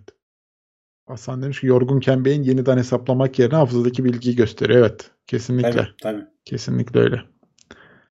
Ee, evet. Katarakt ameliyatı bunama riskini ciddi oranda azaltıyor. Gerçekten çok ilginç. Şimdi gene görmeyle alakalı bir şey aslında bakarsan ne kadar hani beyinle e, etkili iletişimi önemli olduğundan bahsediyorduk az önce. Şimdi katarak yaşlandıkça işte bu gözün kornea tabakasının en dış tabakasının gitgide saydamlığını yitirmesi den dolayı olan bir şey. Genelde de neredeyse hani çok büyük bir e, herkeste oluyor diyebiliriz. Yaşlılıkla alakalı bir şey. Gözün artık o yapısı bozuluyor. Ama ameliyatı da nispeten kolay. Hani o dış katmanı bir şekilde temizledikleri zaman üzerinde oluşan o şeyi bayağı görmen düzeliyor. Bunun üzerinde uzun dönemli araştırmalar yapmışlar. Ee, 10 yıl mı 15 yıl mı ne takip etmişler. Ee, 3000 hastayı. Hem katarakt hem de glokoma. Ee, o da e, görmeni engelleyen bir şey. Ee, tedavisi katarak gibi yani böyle bir anda senin şeyini açmıyor ama yavaşlatıyor. İkisine birden bakmışlar. Ee, ve bu e, 3000 hastadan 853'ü bir çeşit bunama geliştirmiş ve bunun 709'u da Alzheimer'dan kaynaklanan bunama. Ee, şey olanlar, e, katarak ameliyatı olanların bunama geçirme ihtimali %30 düşüyormuş. E, bunun sebebi de hani tam araştırma doğrudan şeye odaklanmıyor diyorlar. Sadece hani bunu ölçmeye odaklanıyor diyorlar. Sebebine odaklanmıyor diyorlar ama hani sebebi aslında hani akla mantığa mantıklı bir açıklaması var. Sen yaşlandıkça bu bence duyma için de aynı şey geçerli. Çevremden benim duyduğum şey o. Kulakların ağır işittikçe, gözün iyi görmedikçe e, hayatı yaşaman zorlaşıyor ve gitgide kendini kapatmaya başlıyorsun dünyaya. Beyne giren bilgi de ne kadar azalırsa kullanmadığın için aynı hani beyin de bir kas gibidir derler ya kullanmadıkça körelir. Bunamaya açık hale geliyorsun. Kullanmamış oluyorsun. O görsel uyaran sen farkında olmadan sürekli gördüğün önünden geçen bir şeyler falan beyninin çalışmasını sağlıyor aslında veya duyduğun sesler. Yaşlanmayla bunama da biraz bununla alakalı olduğunu söylüyorlar. Bu yazıda da ondan bahsediyor aslında. Ee, katarakt ameliyatı olanların 10 yıl içerisinde bunama e, şeyi gösterme ihtimali %30 oranında azalıyormuş. Aynı şey işte duyma mesela benim babaannemde falan da olmuştu. Yani kulakların ağır durmaya başladığı zaman işitme cihazı takmak hani çok rahat bir şey değil. Alışman gerekiyor ona. Çıkarıyordu, takmıyordu. Ya ben böyle rahatım falan diyordu. E, doktor mesela o zaman uyarmıştı. Bakın bu bunamayı falan da yavaşlatır. E, azaltır, ihtimalini düşürür vesaire falan diye. Dolayısıyla hani beyin sürekli uyarılması gereken bir organ, kullanılması gereken bir organ. Yaşlandıkça tabii hani hayatın zorlukları, işte yorgunluk vesaire falan e, söylemesi kolay şimdi bize belki o, o yaşlara gelince ne olacağız bilmiyorum ama en azından katarakt ol, ameliyatı olmak önemli belli ki. E, onudan çevrenizde varsa da e, böyle bir araştırma var duyurmuş olalım. Yani işte evet gene görmek e, o hafızayı canlı tutuyor demek ki. Yani orada evet. senin çok önemli e, bir işlevini sağlıyor. E, yani evet görme duyusu bizim için aslında en önemli duyulardan biri diye de düşünüyorum. Görme duyusu en önemli. Yani en çok e, kullandığımız şey. Kullandığımız biz öyle iletişim kuruyoruz genelde hani. e, sesten veya diğer e, şeylerden daha önemli. İşte Gene görme, orada- hani sıralarsan görme, e, duyma, e, işte dokunma, koku falan ondan sonra gelen şeyler. Tabii tabii kesinlikle. Ee, ama şey çok ilginç yani zaten araştırma uzun uzun süreli ve kataraktın e, direkt ona etkisi evet aslında baktığın zaman Az belki da değil, başta- %30 diyoruz ya. %30 bayağı büyük bir oran yani. Yani ilk baktığında belki aklına gelmez ama e, ne kadar etkisi olduğu araştırma yapıldığı zaman karşına çıkıyor ve şaşırtabiliyor gerçekten bizi. Ee, mercek değiştirme başka operasyon demişler. Bilemedim. Onu bilmiyorum. Hani ayrıntısını bilmiyorum. Benim bildiğim sadece hani o kornea bazı şey olur. Merceğin yapısı bozuluyorsa belki hani merceği de değiştiriyor olabilirler. Ama bilmiyorum hani eminim bir sürü ayrıntısı vardır. Gözde zaten son derece karmaşık bir organ. Evet. Ee, sıradaki haber. Yediğimiz yiyecekler kızgın söylemleri arttırıyor mu? Ne yiyoruz Hani ne bu- söylüyoruz abi? Ee, sosyal medyada aslında e, bu işte nefret söylemleri, işte karşılıklı birbirine girmeleri falan hani hep şey deriz sosyal medyadan kaynaklanıyor falan e, dediğimiz bir şey işte iletişim arttı falan daha çok göz önüne geliyor falan. Bu araştırmada ilginç bir açıdan yaklaşmışlar. Diyorlar ki artık tükettiğimiz şey çok endüstrileşti.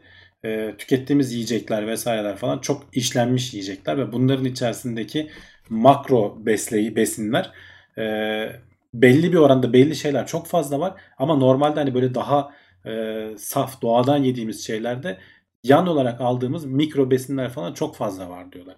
Onları endüstriden geçirdiğin zaman onlardan arındırmış oluyorsun. Hem onları bilerek arındırıyorlar hem de işte bazıları parçalanıyor süreçler esnasında daha uzun dayansın, işte daha lezzetli olsun falan gibi süreçlerden geçtiği için.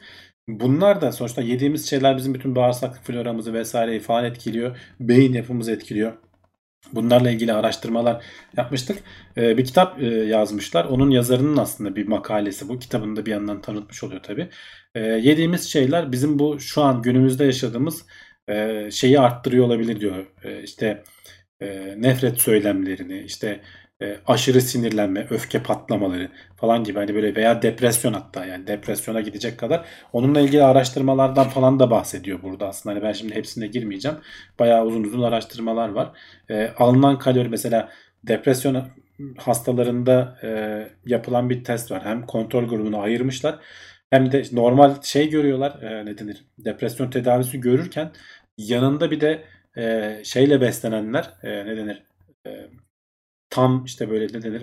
Ham yiyeceklerle beslenenler, yeme düzenini değiştirenlerin iyileşme oranının e, %30'larda falan olurken e, normal sadece tedavi alan hani böyle hapla vesaire ilaçla tedavi alanların %10'larda falan olduğunu söylüyorlar. Yani bazı araştırmalarda. Hani bir yandan hani obezlik işte diyabet vesaire falan gibi hani kötü beslenme, endüstriyel beslenme e, bunlara yol açıyor ama bunların yanında e, bizim depresyona girmemizi, duygu durumumuzun bozuk olmasını falan da tetikliyor gibisinden bir makale. Pek çok hani e, araştırmanın sonucuna dayanarak bunları söylüyor. Ama tabii hani tam anlamıyla böyle midir diye hani bunun sebebi şudur diyemeyeceğimiz için genelde kendileri de ondan bahsediyorlar. Hani böyle e, Necdet'in hep söylediği şey vardı ya hani e, sebep sonuç ilişkisi değildir korelasyon diye. Sonuçta aralarında bir ilişki var ama başka şeylerden dolayı kaynaklanıyor da olabilir. Mesela kendine dikkat eden, sporunu yapan adamlar işte iyi besleniyordur. Onların depresyona girmesi de azalıyordur falan. Ee, biraz daha bilinçli olduğu için, farkındalığı yüksek olduğu için falan gibi şeyler de olabilir. Ee, mesela Japonya'daki intihar oranlarını falan takip etmişler. 89 bin kişi içinde 10-15 yıl boyunca. Biliyorsun orada intihar oranları yüksek ve sürekli de yükseliyor Evet. falan deniyor. Daha düzgün beslenenlerin mesela daha az intihar ettiği e, ortaya çıkmış. Ama bu dediğim gibi bunun doğrudan anlamı olmayabilir. Yani belki daha düzgün beslenenler kendine daha dikkat ediyordur. Zaten hayatta daha barışıktır falan gibi alternatif şeyleri de olabilir. Sadece dikkat etmek lazım. Hani bu makaleyi o yüzden aldım. Yediğimize içtiğimize dikkat ederken e, hani hem sağlığımız için hem de yani psikolojimiz için bile olabilir. Biraz iddialı tabii. E, sosyal medyadaki veya günümüzdeki bu nefret söyleminin, öfke patlamalarının falan buradan kaynaklanıyor olabileceğini. Zaten onlar da hani olabilir mi diye soru işareti şey yapıyorlar. Koyuyorlar öyle. işin sonuna. Ama tabii ki yani iyi beslenmenin bir etkisi var mıdır? Olabilir. Mantıklı da geliyor ilk başta baktığın zaman. Fakat hani iyi beslenmek için de Para lazım gene ya günün O sonunda değil. ben Ondan maddiyat, da bahsetmişler bak. maddiyata bağlıyorum ben ya. Ee, yok ondan da bahsetmişler. Ee, şey diyorlar. İyi beslenmek için para lazım değil. Hatta bir araştırma şimdi burada bulabilirsem hemen onu okuyayım. Bu miti de çürütüyor diyorlar. Çünkü e, şey olarak hani bütçeyi çok aşmadan iyi beslenebiliyorsun. Zaten Akdeniz diyetinden falan bahsetmişler. Aslında yiyeceğin meyve sebze e, hani öyle habire iyi beslenme dediğiniz ama böyle etle beslenelim falan gibi düşünme. Yani meyve sebze tam tahıl böyle şeyleri yiyerek çok da pahalı olmadan e, iyi beslenebiliyorsun. Zaten hani bizim günümüzde derdimiz e, eskiden hani bir yüzyıl önce insanların derdi yeterince kalori alamamakmış. Şimdi artık biz insanlık olarak o aşamada değiliz. Fazla fazla kalori alıyoruz. E, yağ yapıyoruz böyle göbek möbek falan çıkıyor hepimizin or. E, bu da işte ha- sağlığımızı bozuyor. E, bizim derdimiz artık hani daha çok dengeli beslenip e, daha ham bir şekilde tüketmek şeyleri. Endüstrileşmiş olmaktan kurtulmak aslında. Evet. Ee, vegan beslen çok ucuz ve yüksek kaliteli demiş İsa. Yani Biraz evet hani vegan vegan olabilir ama biraz zorlama oluyor. Yani bazen işte hayvansal dengeli beslenmek deyince e, hayvansal oran şeylerden de alman gerektiğini falan söylüyor uzmanlar. E, vegan veya işte vejetaryenlik biraz daha şey kalıyor. E, ne denir? Biraz böyle hani dünya görüşüyle alakalı falan bir beslenme şekli gibi kalıyor benim fikrime göre. Sağlıklı beslenmeden ziyade tercih edenlere bir şey demiyorum. Hani o herkesin kendi tercihi tabii ki. Ee, ama hani dengeli besleneceğim dediğin zaman insan sonuçta hani omnivor deniyor yani her türlü şeyi yiyen et de var bizim atalarımızın beslenme şeyi içerisinde. Ee, ot da var. Kesinlikle öyle. Çiğ köfte yemeyeceksin demişler. Yapmayacaksın. Yiyebilirsin. Yap- Ya- yapılmışı varsa ye. aynen aynen. Kesinlikle bu konuda hak verebilirim artık. Diyecek bir şey yok. Artık istediğin kadar iyi beslensen de kaygı bitiriyor bizi demiş Efo. Evet. Yani kesinlikle da sonuçta hani ne kadar iyi var. beslenirsen beslen onun çözümü gibi düşünmeyin. Ama etki eden, katkı sağlayan şeylerden biri olabilir. Öyle. Tamam son haberimiz. Dizi izleme bağımlısı mısınız? Evet, bu aslında e, haberden ziyade hani bunu biraz da konuşalım hatta kulise de biraz pas açsın diye e, sohbet bölümüne biraz pas atalım diye aldığım bir haber. Evet. E, sonuçta hani binge watching deniyor. Bunun bir Türkçesi var mı bilmiyorum. Maraton izleme falan filan demişler. E, ard arda dizileri izlemek. 2 ve daha fazlası. Bazı yerlerde 3 ve daha fazlası ard arda izlenen e, dizilerden. Yani bir oturuşta böyle 2 saatini, 3 saatini, 5 saatini veriyorsan e, biraz bağımlılık noktasına gelmeye başlamıştır diyor. Nereden, e, hani ne zaman bağımlılık olduğunu, ne zaman olmadığını anlamak için şöyle 5-6 madde saymış. Aslında bu çoğu bağımlılık için geçerli. Bir kere hani bir şeyleri izli- izlerken e, senin hayatını etkileyecek noktaya geliyor mu? E, yapman gereken şeyleri e, yapmayı erteliyor musun veya tamamen unutuyor musun? Bunlara dikkat edeceksin.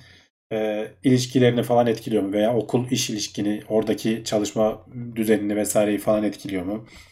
Ne kadar saat harcıyorsun? Bunların hepsi birer parametre. Bunların altısına da sen evet diyorsan mesela diyor ki bağımlısın. Hani buna bir çözüm üretmen lazım. Bu bu şekilde ilerleyemezsin. Bir iki tanesine diyorsan hani çok sorun yok ama hani dikkat et ipin ucunu kaçırma. E, bilmiyorum hani ben de bazen dizi izlerken şimdi diziler de tabii bizi başında tutmak için yapılıyor. Kesinlikle öyle. E, öyle bir Sonraki yerde bölümü bırakıyor ki izletiyor. öyle bir yerde bırakıyor ki şey diyorsun ya şu sonraki bölüme bir başlayayım bir 5 dakika izleyeyim falan. Burada güzel bir şey önermiş. Mesela ben bu şeyden kurtulmak için diyor ki dizileri ortasından başlayıp bir sonraki bölümün ortasına kadar izliyorum diyor. Böyle Aa, sonu böylece sonunda heyecanlı yerinde bırakmakta zorlanma kısmını atlatmış oluyorsun. Ee, böyle bir yöntem olabilir. Veya kendine böyle bir sınır belirlersin. Dersin ki ben 2 saate geçmeyeceğim. Ne olursa olsun. Eğer yapabiliyorsan tabii. Zaten o e, şeyi gösterebiliyorsan kendinde e, iradeyi gösterebiliyorsan zaten sorun Bağımlı yok. değilsindir. Değilsindir ama işte çok kritik yerde kaldığı için ben bir sonraki bölüme geçiyorum diyorsan böyle yarıdan başlayıp diğer yarıya kadar. Çünkü genelde dediğim gibi son anları heyecanlı yerde bırakalım şeyinde oluyor dizilerin. Orayı atlatmış olabilirsin. Ee, izleyiciler de yazsınlar hani bunu sohbet bölümünde konuşalım. Ne kadar izliyorsunuz? Ee, kaç bölüm bir oturuşta veya rekorlar neler? Bunları bir konuşalım. Evet. Bu haberi de böyle bitirmiş olalım.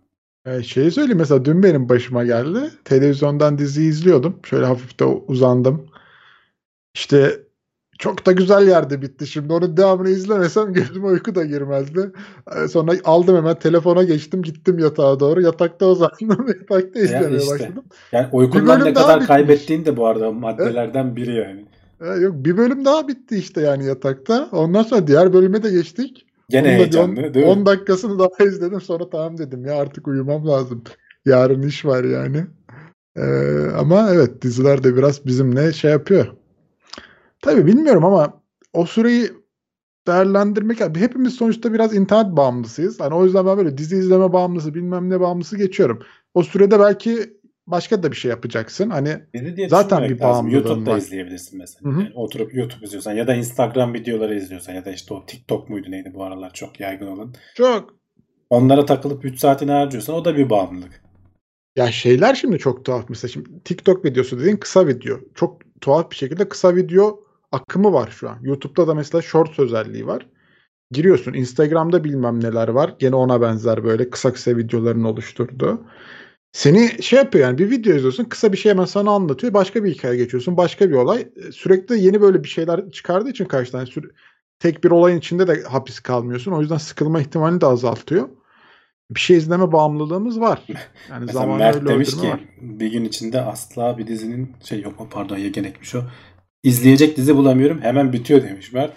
Demek ki bağımlısın Mert yani izleyecek dizi bulamayıp hemen bitiyor diyorsan Bu sıkıntı. e, sen hepsini izlemişsin yani. O kadar çok içerik üretiliyor ki bu sözü söylemek için baya baya izlemiş olmak lazım. Öyle öyle. Ya ben yok ben o kadar da dizi izleyen biri değilim. Hani seçerim çok böyle. Ee, ama bazıları da sürükleyici oluyor. O yüzden de onun da etkisi var açıkçası. Tabii tabii. Var mı başka bir şey yoksa istiyorsan sohbet bölümüne geçelim artık. Evet kulise geçelim. Orada da bakalım Orada millet neler izliyor, kimler neler yapıyor. Ee, bakarız. Ee, buraya kadar izlediyseniz aşağıdan bir beğen tuşuna basarak e, beğendiğinizi bize gösterebilirsiniz. YouTube onu alıyor, işliyor, mişliyor. Diyor ki bu video herhalde güzel bir şeyler anlatıyor. Biraz da ön plana çıkarıyor. Bilginiz olsun. E, hala abone değilseniz kabına abone olabilirsiniz. E, şeyden izleyenler varsa özellikle podcast'ten. E, onlar da gelip YouTube'da kanala abone olabilirler.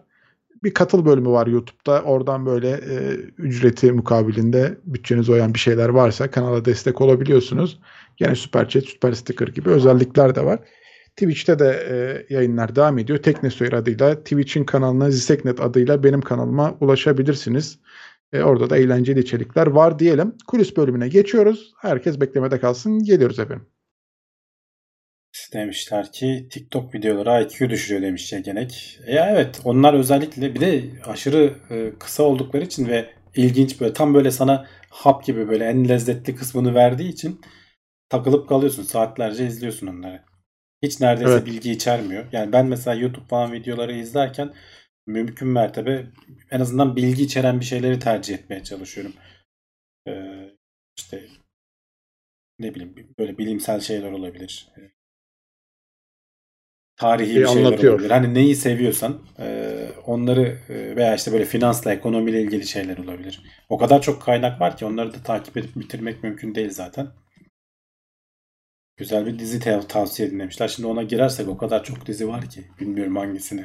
Ben bu aralar şey izledim Prime'da. Ee, neydi o? Goliath. Onu izledim. Ee, böyle avukatlık, hukuk mukuk dizilerini severim. Ee, veya onu, o tarz dizileri sevenler izlesinler. Prime'da var. Amazon Prime'da. 4 sezonu var galiba. Ben hepsini izledim bitirdim. Log4j hakkında ne düşünüyorsun? Bir şey düşünmüyorum. Bir açık bulundu. Herkes bir panik oldu. Ee, ve işte kullananlar. Ben hiç kullanmadığım için bizim sistemlerde olmadığı için ayrıntısına bakmadım açıkçası. Ama olur böyle şeyler. Açıklar bulunur, kapatılır. O arada sen de güncellemeni yapacaksın hemen. Better. Saul güzeldi bak. Onu da yazmış Emrullah Özkılıç.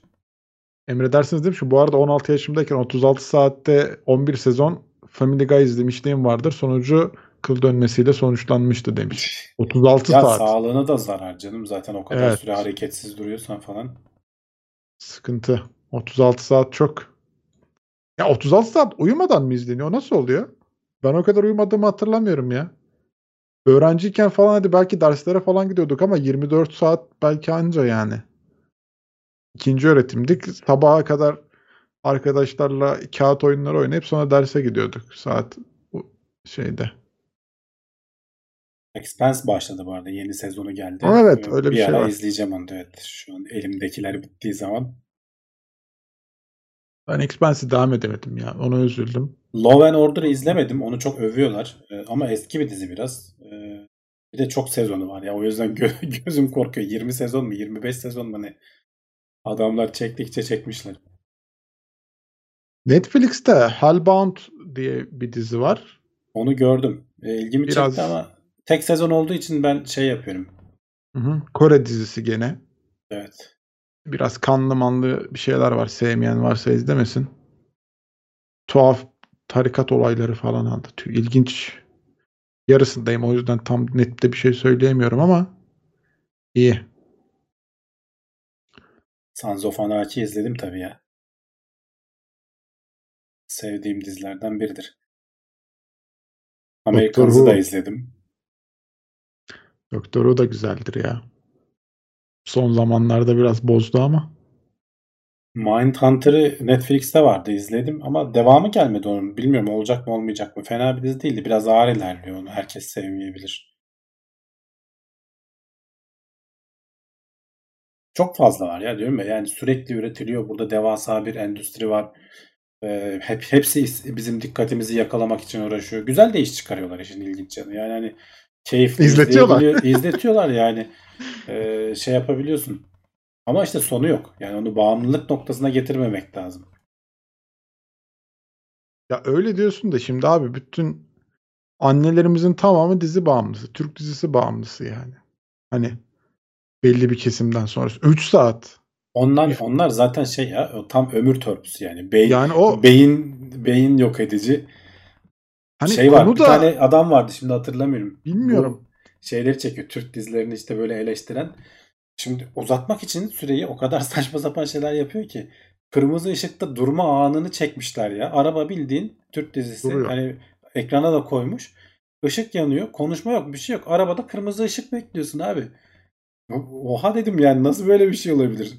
40 saniye mi ne sürüyor? Süreyi uzatmak için 3 saate uy- uydurmak için saçma sapan şey bakışmalar zaten o hani e, bir onun suratına işte. şey yapar bir bunun suratına zoomlar falan. Bu, bu olmamalı ya. O yüzden ben hiç Türk dizisi izlemem. Ya işte iyi içerik televizyona üretilmiyor ya. Türk yani şimdi Türkiye'den de çok güzel içerikler var. Var Ama var biraz ama işte şeyde kalıyor. Platformlarda falan kalıyor yani aslında. Ona erişmek zor. Punisher'ı izledim güzel. Ozark'ı izledim güzel. Yeni sezonlarını bekliyoruz gelirlerse. En sevdiğim bitmiş dizileri izlemek. Böyle 7 sezonu var izliyorsun keyifle. Bir, bir sona varıyor bir yere geliyor bitiyor konu.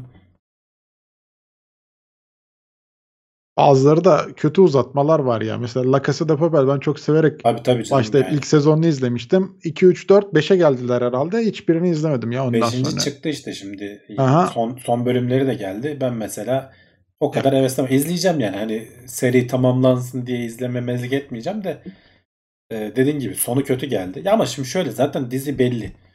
İki sezonluk yazılmış. Bitmiş orada. Yani sonra zorladın uzattın işte. Oradan bozuldu. Vallahi ikinci sezonu da izlemedim. Bence bir, bir de bitmişti o dizi benim için ya. İki sezon dedim orada bir karışıklık var. Tek sezon da onu ikiye böldüler falan. Belki Ha. aynı şeyden bahsediyoruzdur. Bilmiyorum yani son. Banka bölümü okeydi yani şey matbaa bölümü. İşte tamam işte matbaa ondan diyorum. bahsediyorum. Evet. Ne, ne darphane bölümü. Darphane evet. evet. Adı aklıma gelmedi. Orası okeydi yani. Ya izleyici kitle yerli dizilerin böyle olmasının sebebi hani onu yapım ya- yapan oyuncular falan da memnun değiller ama yapımcılar zorluyor, kanallar zorluyor. Hani bir geceyi doldursun. işte alabildiğimiz kadar araya reklam alalım. Hiç dikkati dağıtmadan falan. Kitlenin işte çok karmaşık şeyler yaparsan kitleyi kaybediyorsun. Ya oyuncu orada parasına bakar ya. Ben dizinin iyi olmuş kötü Ya olmuş şöyle, çok parasına- baktıklarını düşünmüyorum. Yok bakıyorlar. Bir ya parasına bakıyor tabii ki o ayrı. Yoksa zaten oyuncu olmazdı yani hani Evet. E, kimse oynamazdı. O ayrı konu da ama onlara da zor geliyor. Sonuçta 3 mal mal bakacaksın. Düşünsene kamera seni çekiyor. Ben şey diyorum. Türkiye Türk oyuncuları en iyi mimiklere sahip dünyadaki oyuncular. Gerçi Hintlilerin falan dizileri de öyle. Onlarda da böyle efekt ve şey eşliğinde kamera zoomlaması. Bir ona bakıyor, bir ona bakıyor falan. Yok ya aman. Anlat hikayeyi geç. İşte o zor. Senaryo falan. Yani bizde mesela ben Türk dizilerini izlediğim zaman bir bölüm sonra, iki bölüm sonra ne olacağını söylüyorsun. Hiçbir heyecan uyandıracak, dikkat çekecek, şaşırtacak bir şey olmuyor. Senaryo falan çok zayıf oluyor. Mesela şimdi Squid Game'in birinci sezonunu izledik. Güzeldi, beğendik. İkinci sezonu şimdi onu, o da çok tuttu. İkinci sezonu uzatmaya yani bilmiyorum önceden sanki varmış gibi planlanmış gibi. Ama bilmiyorum sanki burada bitmeli gibi geliyor bana. 2'yi 3'ü yaparlarsa ne olur? Göreceğiz. Ya birin de sonu kötü bitti ki. Yani birin sonu o kadar iyi bitmedi bence. ilk sezonu. İyiydi canım iyiydi yani. Yok ya bence çok böyle alakasız bir yerde bitti benim gözümde. Birin sonu. Mr. Robot vardı bir aralar. Ee, bir iki bölüm izledim sonra bıraktım. Çok böyle akıl hastalığına falan sarıp da e, neyin gerçek neyin yanlış olduğunu anlama noktasını kaybedince ben sıkılıyorum. Yani onu da çok uzatmış. Ee, dünyadan kopuyorsun yani. Onu vermek için biraz belki şey yapıyor ama biraz böyle boşa zaman geçiriyormuş gibi oluyor. No Snowpiercer filmini izlerseniz, e, yorumlarsanız iyi olur demiş Hacı the Great. Dizisini izledim, filmini izlemedim. Aa filmi çok güzel. Dizisini bilmiyorum. Dizisi de güzel, keyifli. Yani Ha. ütopik. İki sezonu var galiba. Netflix'te Allah. var. Dizinin aynısı olduğu için filmini izledim. Konu Yani bitti. Yegenek demiş ki dizi izlemeyi bıraktım. Aynı zamanı kitaba ve spora ayırdım. Çok iyi oldu. Evet. Yani onu yapabilsek Ne güzel. Ne çok güzel. süper olur. Kesinlikle. Bazı şeyleri ama diyoruz ya bak bize insan görsel olarak e, çok ön planda olduğu için yani gö- görme duyusu. E, biz hani kitabı okuyorsun. Orada sen kendi zihnini kullanarak canlandırman gerekiyor. Dizi her zaman film daha çok kendi içine alıyor nedense. O yüzden seviyoruz. Türk dizisi izlemek zorunda kalınca 2x alıyorum demiş. Yani evet o hızda izlersen anca normale geliyor zaten. Silikon Vadisi'ni izledik tabii ki. İyiydi. O da keyifliydi.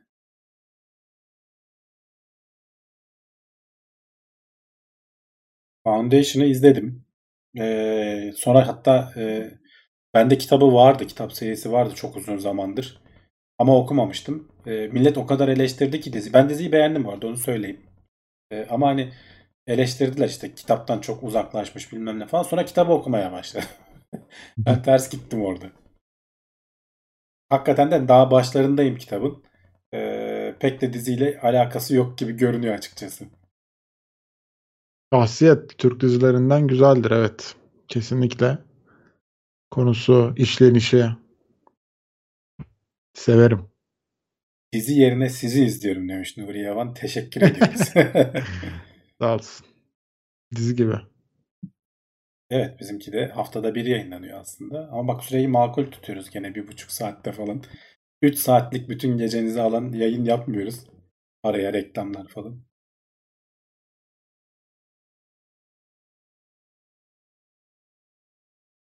Kitap okumak daha mantıklı. Zaman varsa çok daha ayrıntıya giriyor. Mars'ın kitabını okuduktan sonra filmini izlemedim. Hiç zevk Ya almadım tabii ki, demiş. tabii ki. Kitabın avantajı o zaten. Yani o kadar çok ayrıntıya girip sana o kadar çok bilgi verebiliyor ki.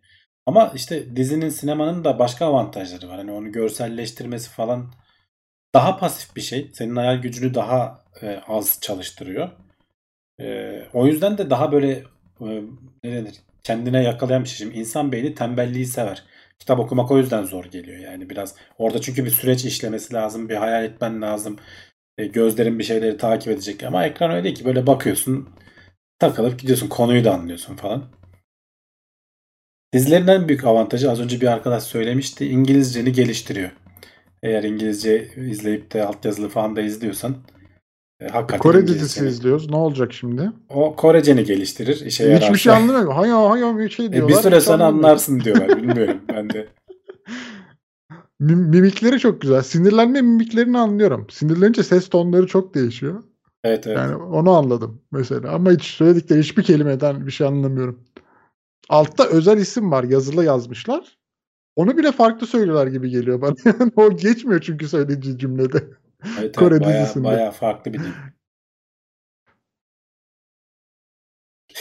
Yekenek demiş ki Türk dizisi gibi yarım saat bakıştıklarını düşünsene Levent abiyle Murat'ın falan. Hakikaten arada böyle şey yapalım. Böyle seni tek ekrana çıkarayım ben çıkayım falan böyle duralım falan. 3 saate öyle çıkabiliriz yoksa başka türlü olmaz. Yani. Veya benim söylediğimi sen tekrar edersin. Sen şimdi böyle mi demek istiyorsun Hamdi abi diye. Aynı şeyi bir daha söyleyeyim.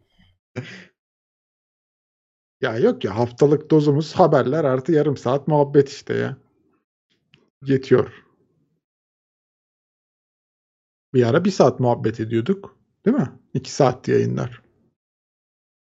Öyle bir Ee, zaman vardı. muhabbet var mı bilmiyorum olabilir. Tam hatırlamıyorum. İki saat, bir iki buçuk saat, saat. ya yayınlar.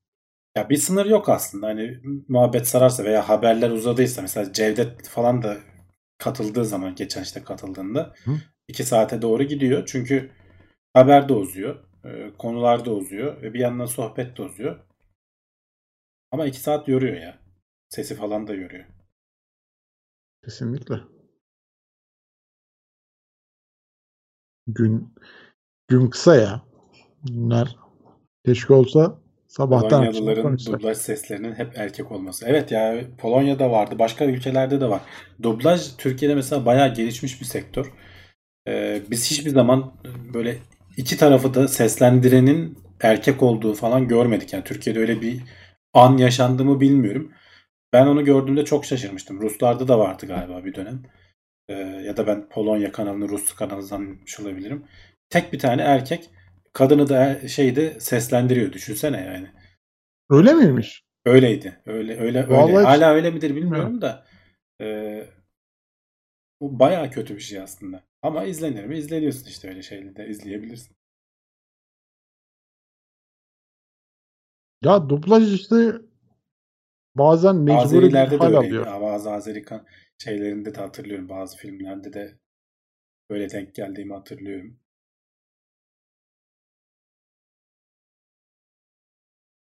Aa bak belgesel serilerin dublajı çok güzel oluyor bizde. Evet Yani evet. Yani du- hakkı veriliyor. Konusu, dublaj konusu Türkiye'de iyi yani. Kolay bir şey de değildir yani hakikaten. Mesela şeyleri düşünürsen animasyonları falan mesela Shrek'in Ben Buz falan Devri'ni Buz Devri'ni çok severim. Orada çok güzel e, konuşmalar Ay falan. şeyler de mesela Shrek ilk geldiğinde işte animasyonlar daha o zaman nispeten yeniydi. 2000'lerin başıydı. İşte Okan Bayülgen, Mehmet Ali Erbil Evet falan. ne güzel ne güzel. Ee, ve bayağı da hani böyle şeye katarak çünkü o animasyonlarda hani seslendirme şarkıları falan da Türkçe'ye çeviriyorlar. Zor bir şey zor bir şeydir yani şarkıyı birebir melodiyi de tutturarak Türkçe çevirmek, anlamını da vererek. Onlara çaba harcanmıştı zamanında. Animasyonların o Walt Disney'in falan animasyonları şey oluyor. Güzel oluyor, kaliteli oluyor. Asterix ve Obelix'te Laz müteahhit var abi bizde ya. Yani Laz müteahhit var ya. İnanılmaz. inan ve çok güzel. Hani onu öyle onu o sesle gerçekten dinlemek istiyorsun. Adamın üstüne oturuyor ses yani. Onun sesi oluyor artık bir süre sonra. Çok iyi. Buz devrinde de öyleydi. City, City seslendiren ismi aklımda değil. Gayet duyguyu vererek yapıyor yani. Okuyup Evet, geçmiyor evet. metini.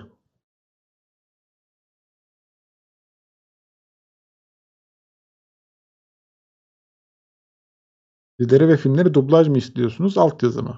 Ben altyazı izlerim genelde. Ben orijinal izlerim ya. Yani mesela şeylerin de mesela Squid Game'in İngilizce versiyonu var ya da La Casa de Papel'in de İngilizce versiyonu var Netflix'te. Ben orijinal dillerinden izlemeyi seviyorum. Ee, altyazılı tabii yani Tabii tabii ya. İspanyolcamız veya işte Korecemiz o kadar gelişkin değil. Bu arada İspanyolca benim gözümde çok daha güzel Korece'ye göre ya. Daha en azından anlıyorum ne anlatmak istediğini. Tabii tabii canım. Bazı kelimeleri Daha- de daha çıkarabiliyorsun. bizden. Şimdi uzak Daha- doğu dillerinde hani böyle Çince, Kore falan onlarda işte böyle tonlamalardan farklılık var. Ee, o yüzden bize garip geliyor olabilir. Bazı şeyleri tonlamayla anlatıyorlar yani. Yekta Kopanmış. Buradan selam gönderelim. Sağ olsun. Ee, anime izliyor musunuz? Yok ya Ben anime dünyası ya. anime dünyasına hiç girmedim. Bir, bir iki kere denedim de bir kere denedim daha doğrusu sarmadı. Hiçbir zaman da ilgimi çekmedi ya. O kadar da anime izlemedim. Ama hani karşıda değilim böyle. Şununla başla bir daha bırakamazsın dediğin varsa bakabilirim yani.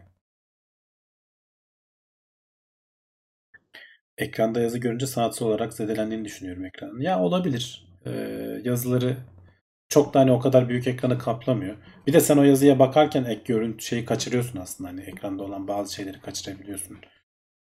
O yüzden hani İngilizce izlediğin zaman e, altyazıları hani ben kapatabilirim bile. Pek bir şey yapmam. Bakmam ama hani Korece'de yapacak bir şey yok yani. Ya da İspanyolca'da. Dur. Bak anime tavsiyeleri geldi. Death Note. Death ile başla. Bir de oraya girersen abi anime bağımlısı diye bir şey var mı? O da dizi bağımlısına mı giriyor? Ee, ne, ne, neyle başladım ben? Airbender mıydı? Bir şeyle başladım. The Last Airbender mıydı? Ne yok ama. Onun bir, bir 3-4 bölümünü izledim sonra da izlemedim. Niye onu izledin dersen de bilmiyorum. Açıkçası yani. Yani devlerin Bir yerden duymuşumdur bir şey yani. vardı ya. bunda bak diye. Adını Avatar, unuttum. Avatar. Avatar The Last Airbender. O tam anime olmuyormuş. Ha, onu bilmiyorum ayrıntılarını. Ben bir şekilde nereden ona başladım bilmiyorum. Ya biri önerdi. E, Death Note diyorsanız tamam ona bakarım. Netflix'te de var görünüyor zaten. Vallahi yağıyor. Hangisiyle başlayacağını nasıl seçeceğim? Bir ton attılar. çok, çok abartmayın. O kadar zamanım yok. Aynen. Bir de onlar bazıları külliyat oluyor. Onlardan birine denk gelirsen sıkıntı. yazayım. One Punch Man demişler. Attack on Titan'da evet benim dediğim. Bir tane devler saldırıyordu böyle değişik. Onu da çok seviyorlar bilmiyorum. Hiç anlamadım mantığını. One Titan. Yazdım onları da. Bunlara bakarım.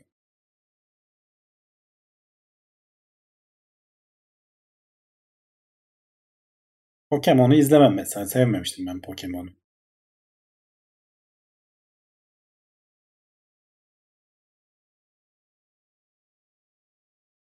Death Note'u bir iki kişi daha tavsiye etmiş sanırım. One Punch Man. Tamam işte Evet, onu zaten beğenmiştim. 3 tane şeyimiz oldu. Leyla ile Mecnun dediler. tamam. Konu başka yerlere gitti. Kapatalım mı yavaştan? Saat 11'i bulduk gene. Vaktimiz geldi. Gidelim anime izleyeceğiz daha. Daha animelerimiz var. Çok çok işimiz var. Gün bitmedi. Evet evet ben izledikçe e, söylerim yeni anime önerin diye. E, bunları bakayım sararsa tabii artık işte izleriz. Ben abi ben dizi de izlemiyorum ya. Ben o kadar çok şey yapmıyorum. Boş vaktim varsa oyun oynarım ben. Warzone oynuyorum diyorsun. Tabii canım Warzone ya. Boş vakit varsa Warzone. Ya da Vakit yemek yok. yapma oyunu. Ya- yemek yaparım. Hanımla o şey izleriz. Film ama şey olacak. Vurdulu kırdılı olmayacak. Ağız burun kanadı mı kapatıyoruz. Hanım Bir şey üzülüyor. mi? Kan mı hassas tutuyor? biraz. Aynen hassas biraz. Punisher'ı izlemesiniz. Ondan sonra ben şey yapıyorum. Punisher'ı tam yani çivi çiviyi söker gibi bir şey olur yani. Neyse sen uyu diyorum. Sonra ben tek başıma mecbur bitirmek zorunda kalıyorum. yarım kalmasın diye. Öyle huylarım var. Öyle geçiyor ömür işte ya. Neyse bakalım. Yarın gene iş var. Gidelim biraz çalışalım. Aynen. Herkese selamlar, sevgiler. Görüşmek üzere. Görüşmek üzere. Haftaya gene buradayız. Bir aksilik olmazsa. Kendinize iyi bakın. Hoşçakalın.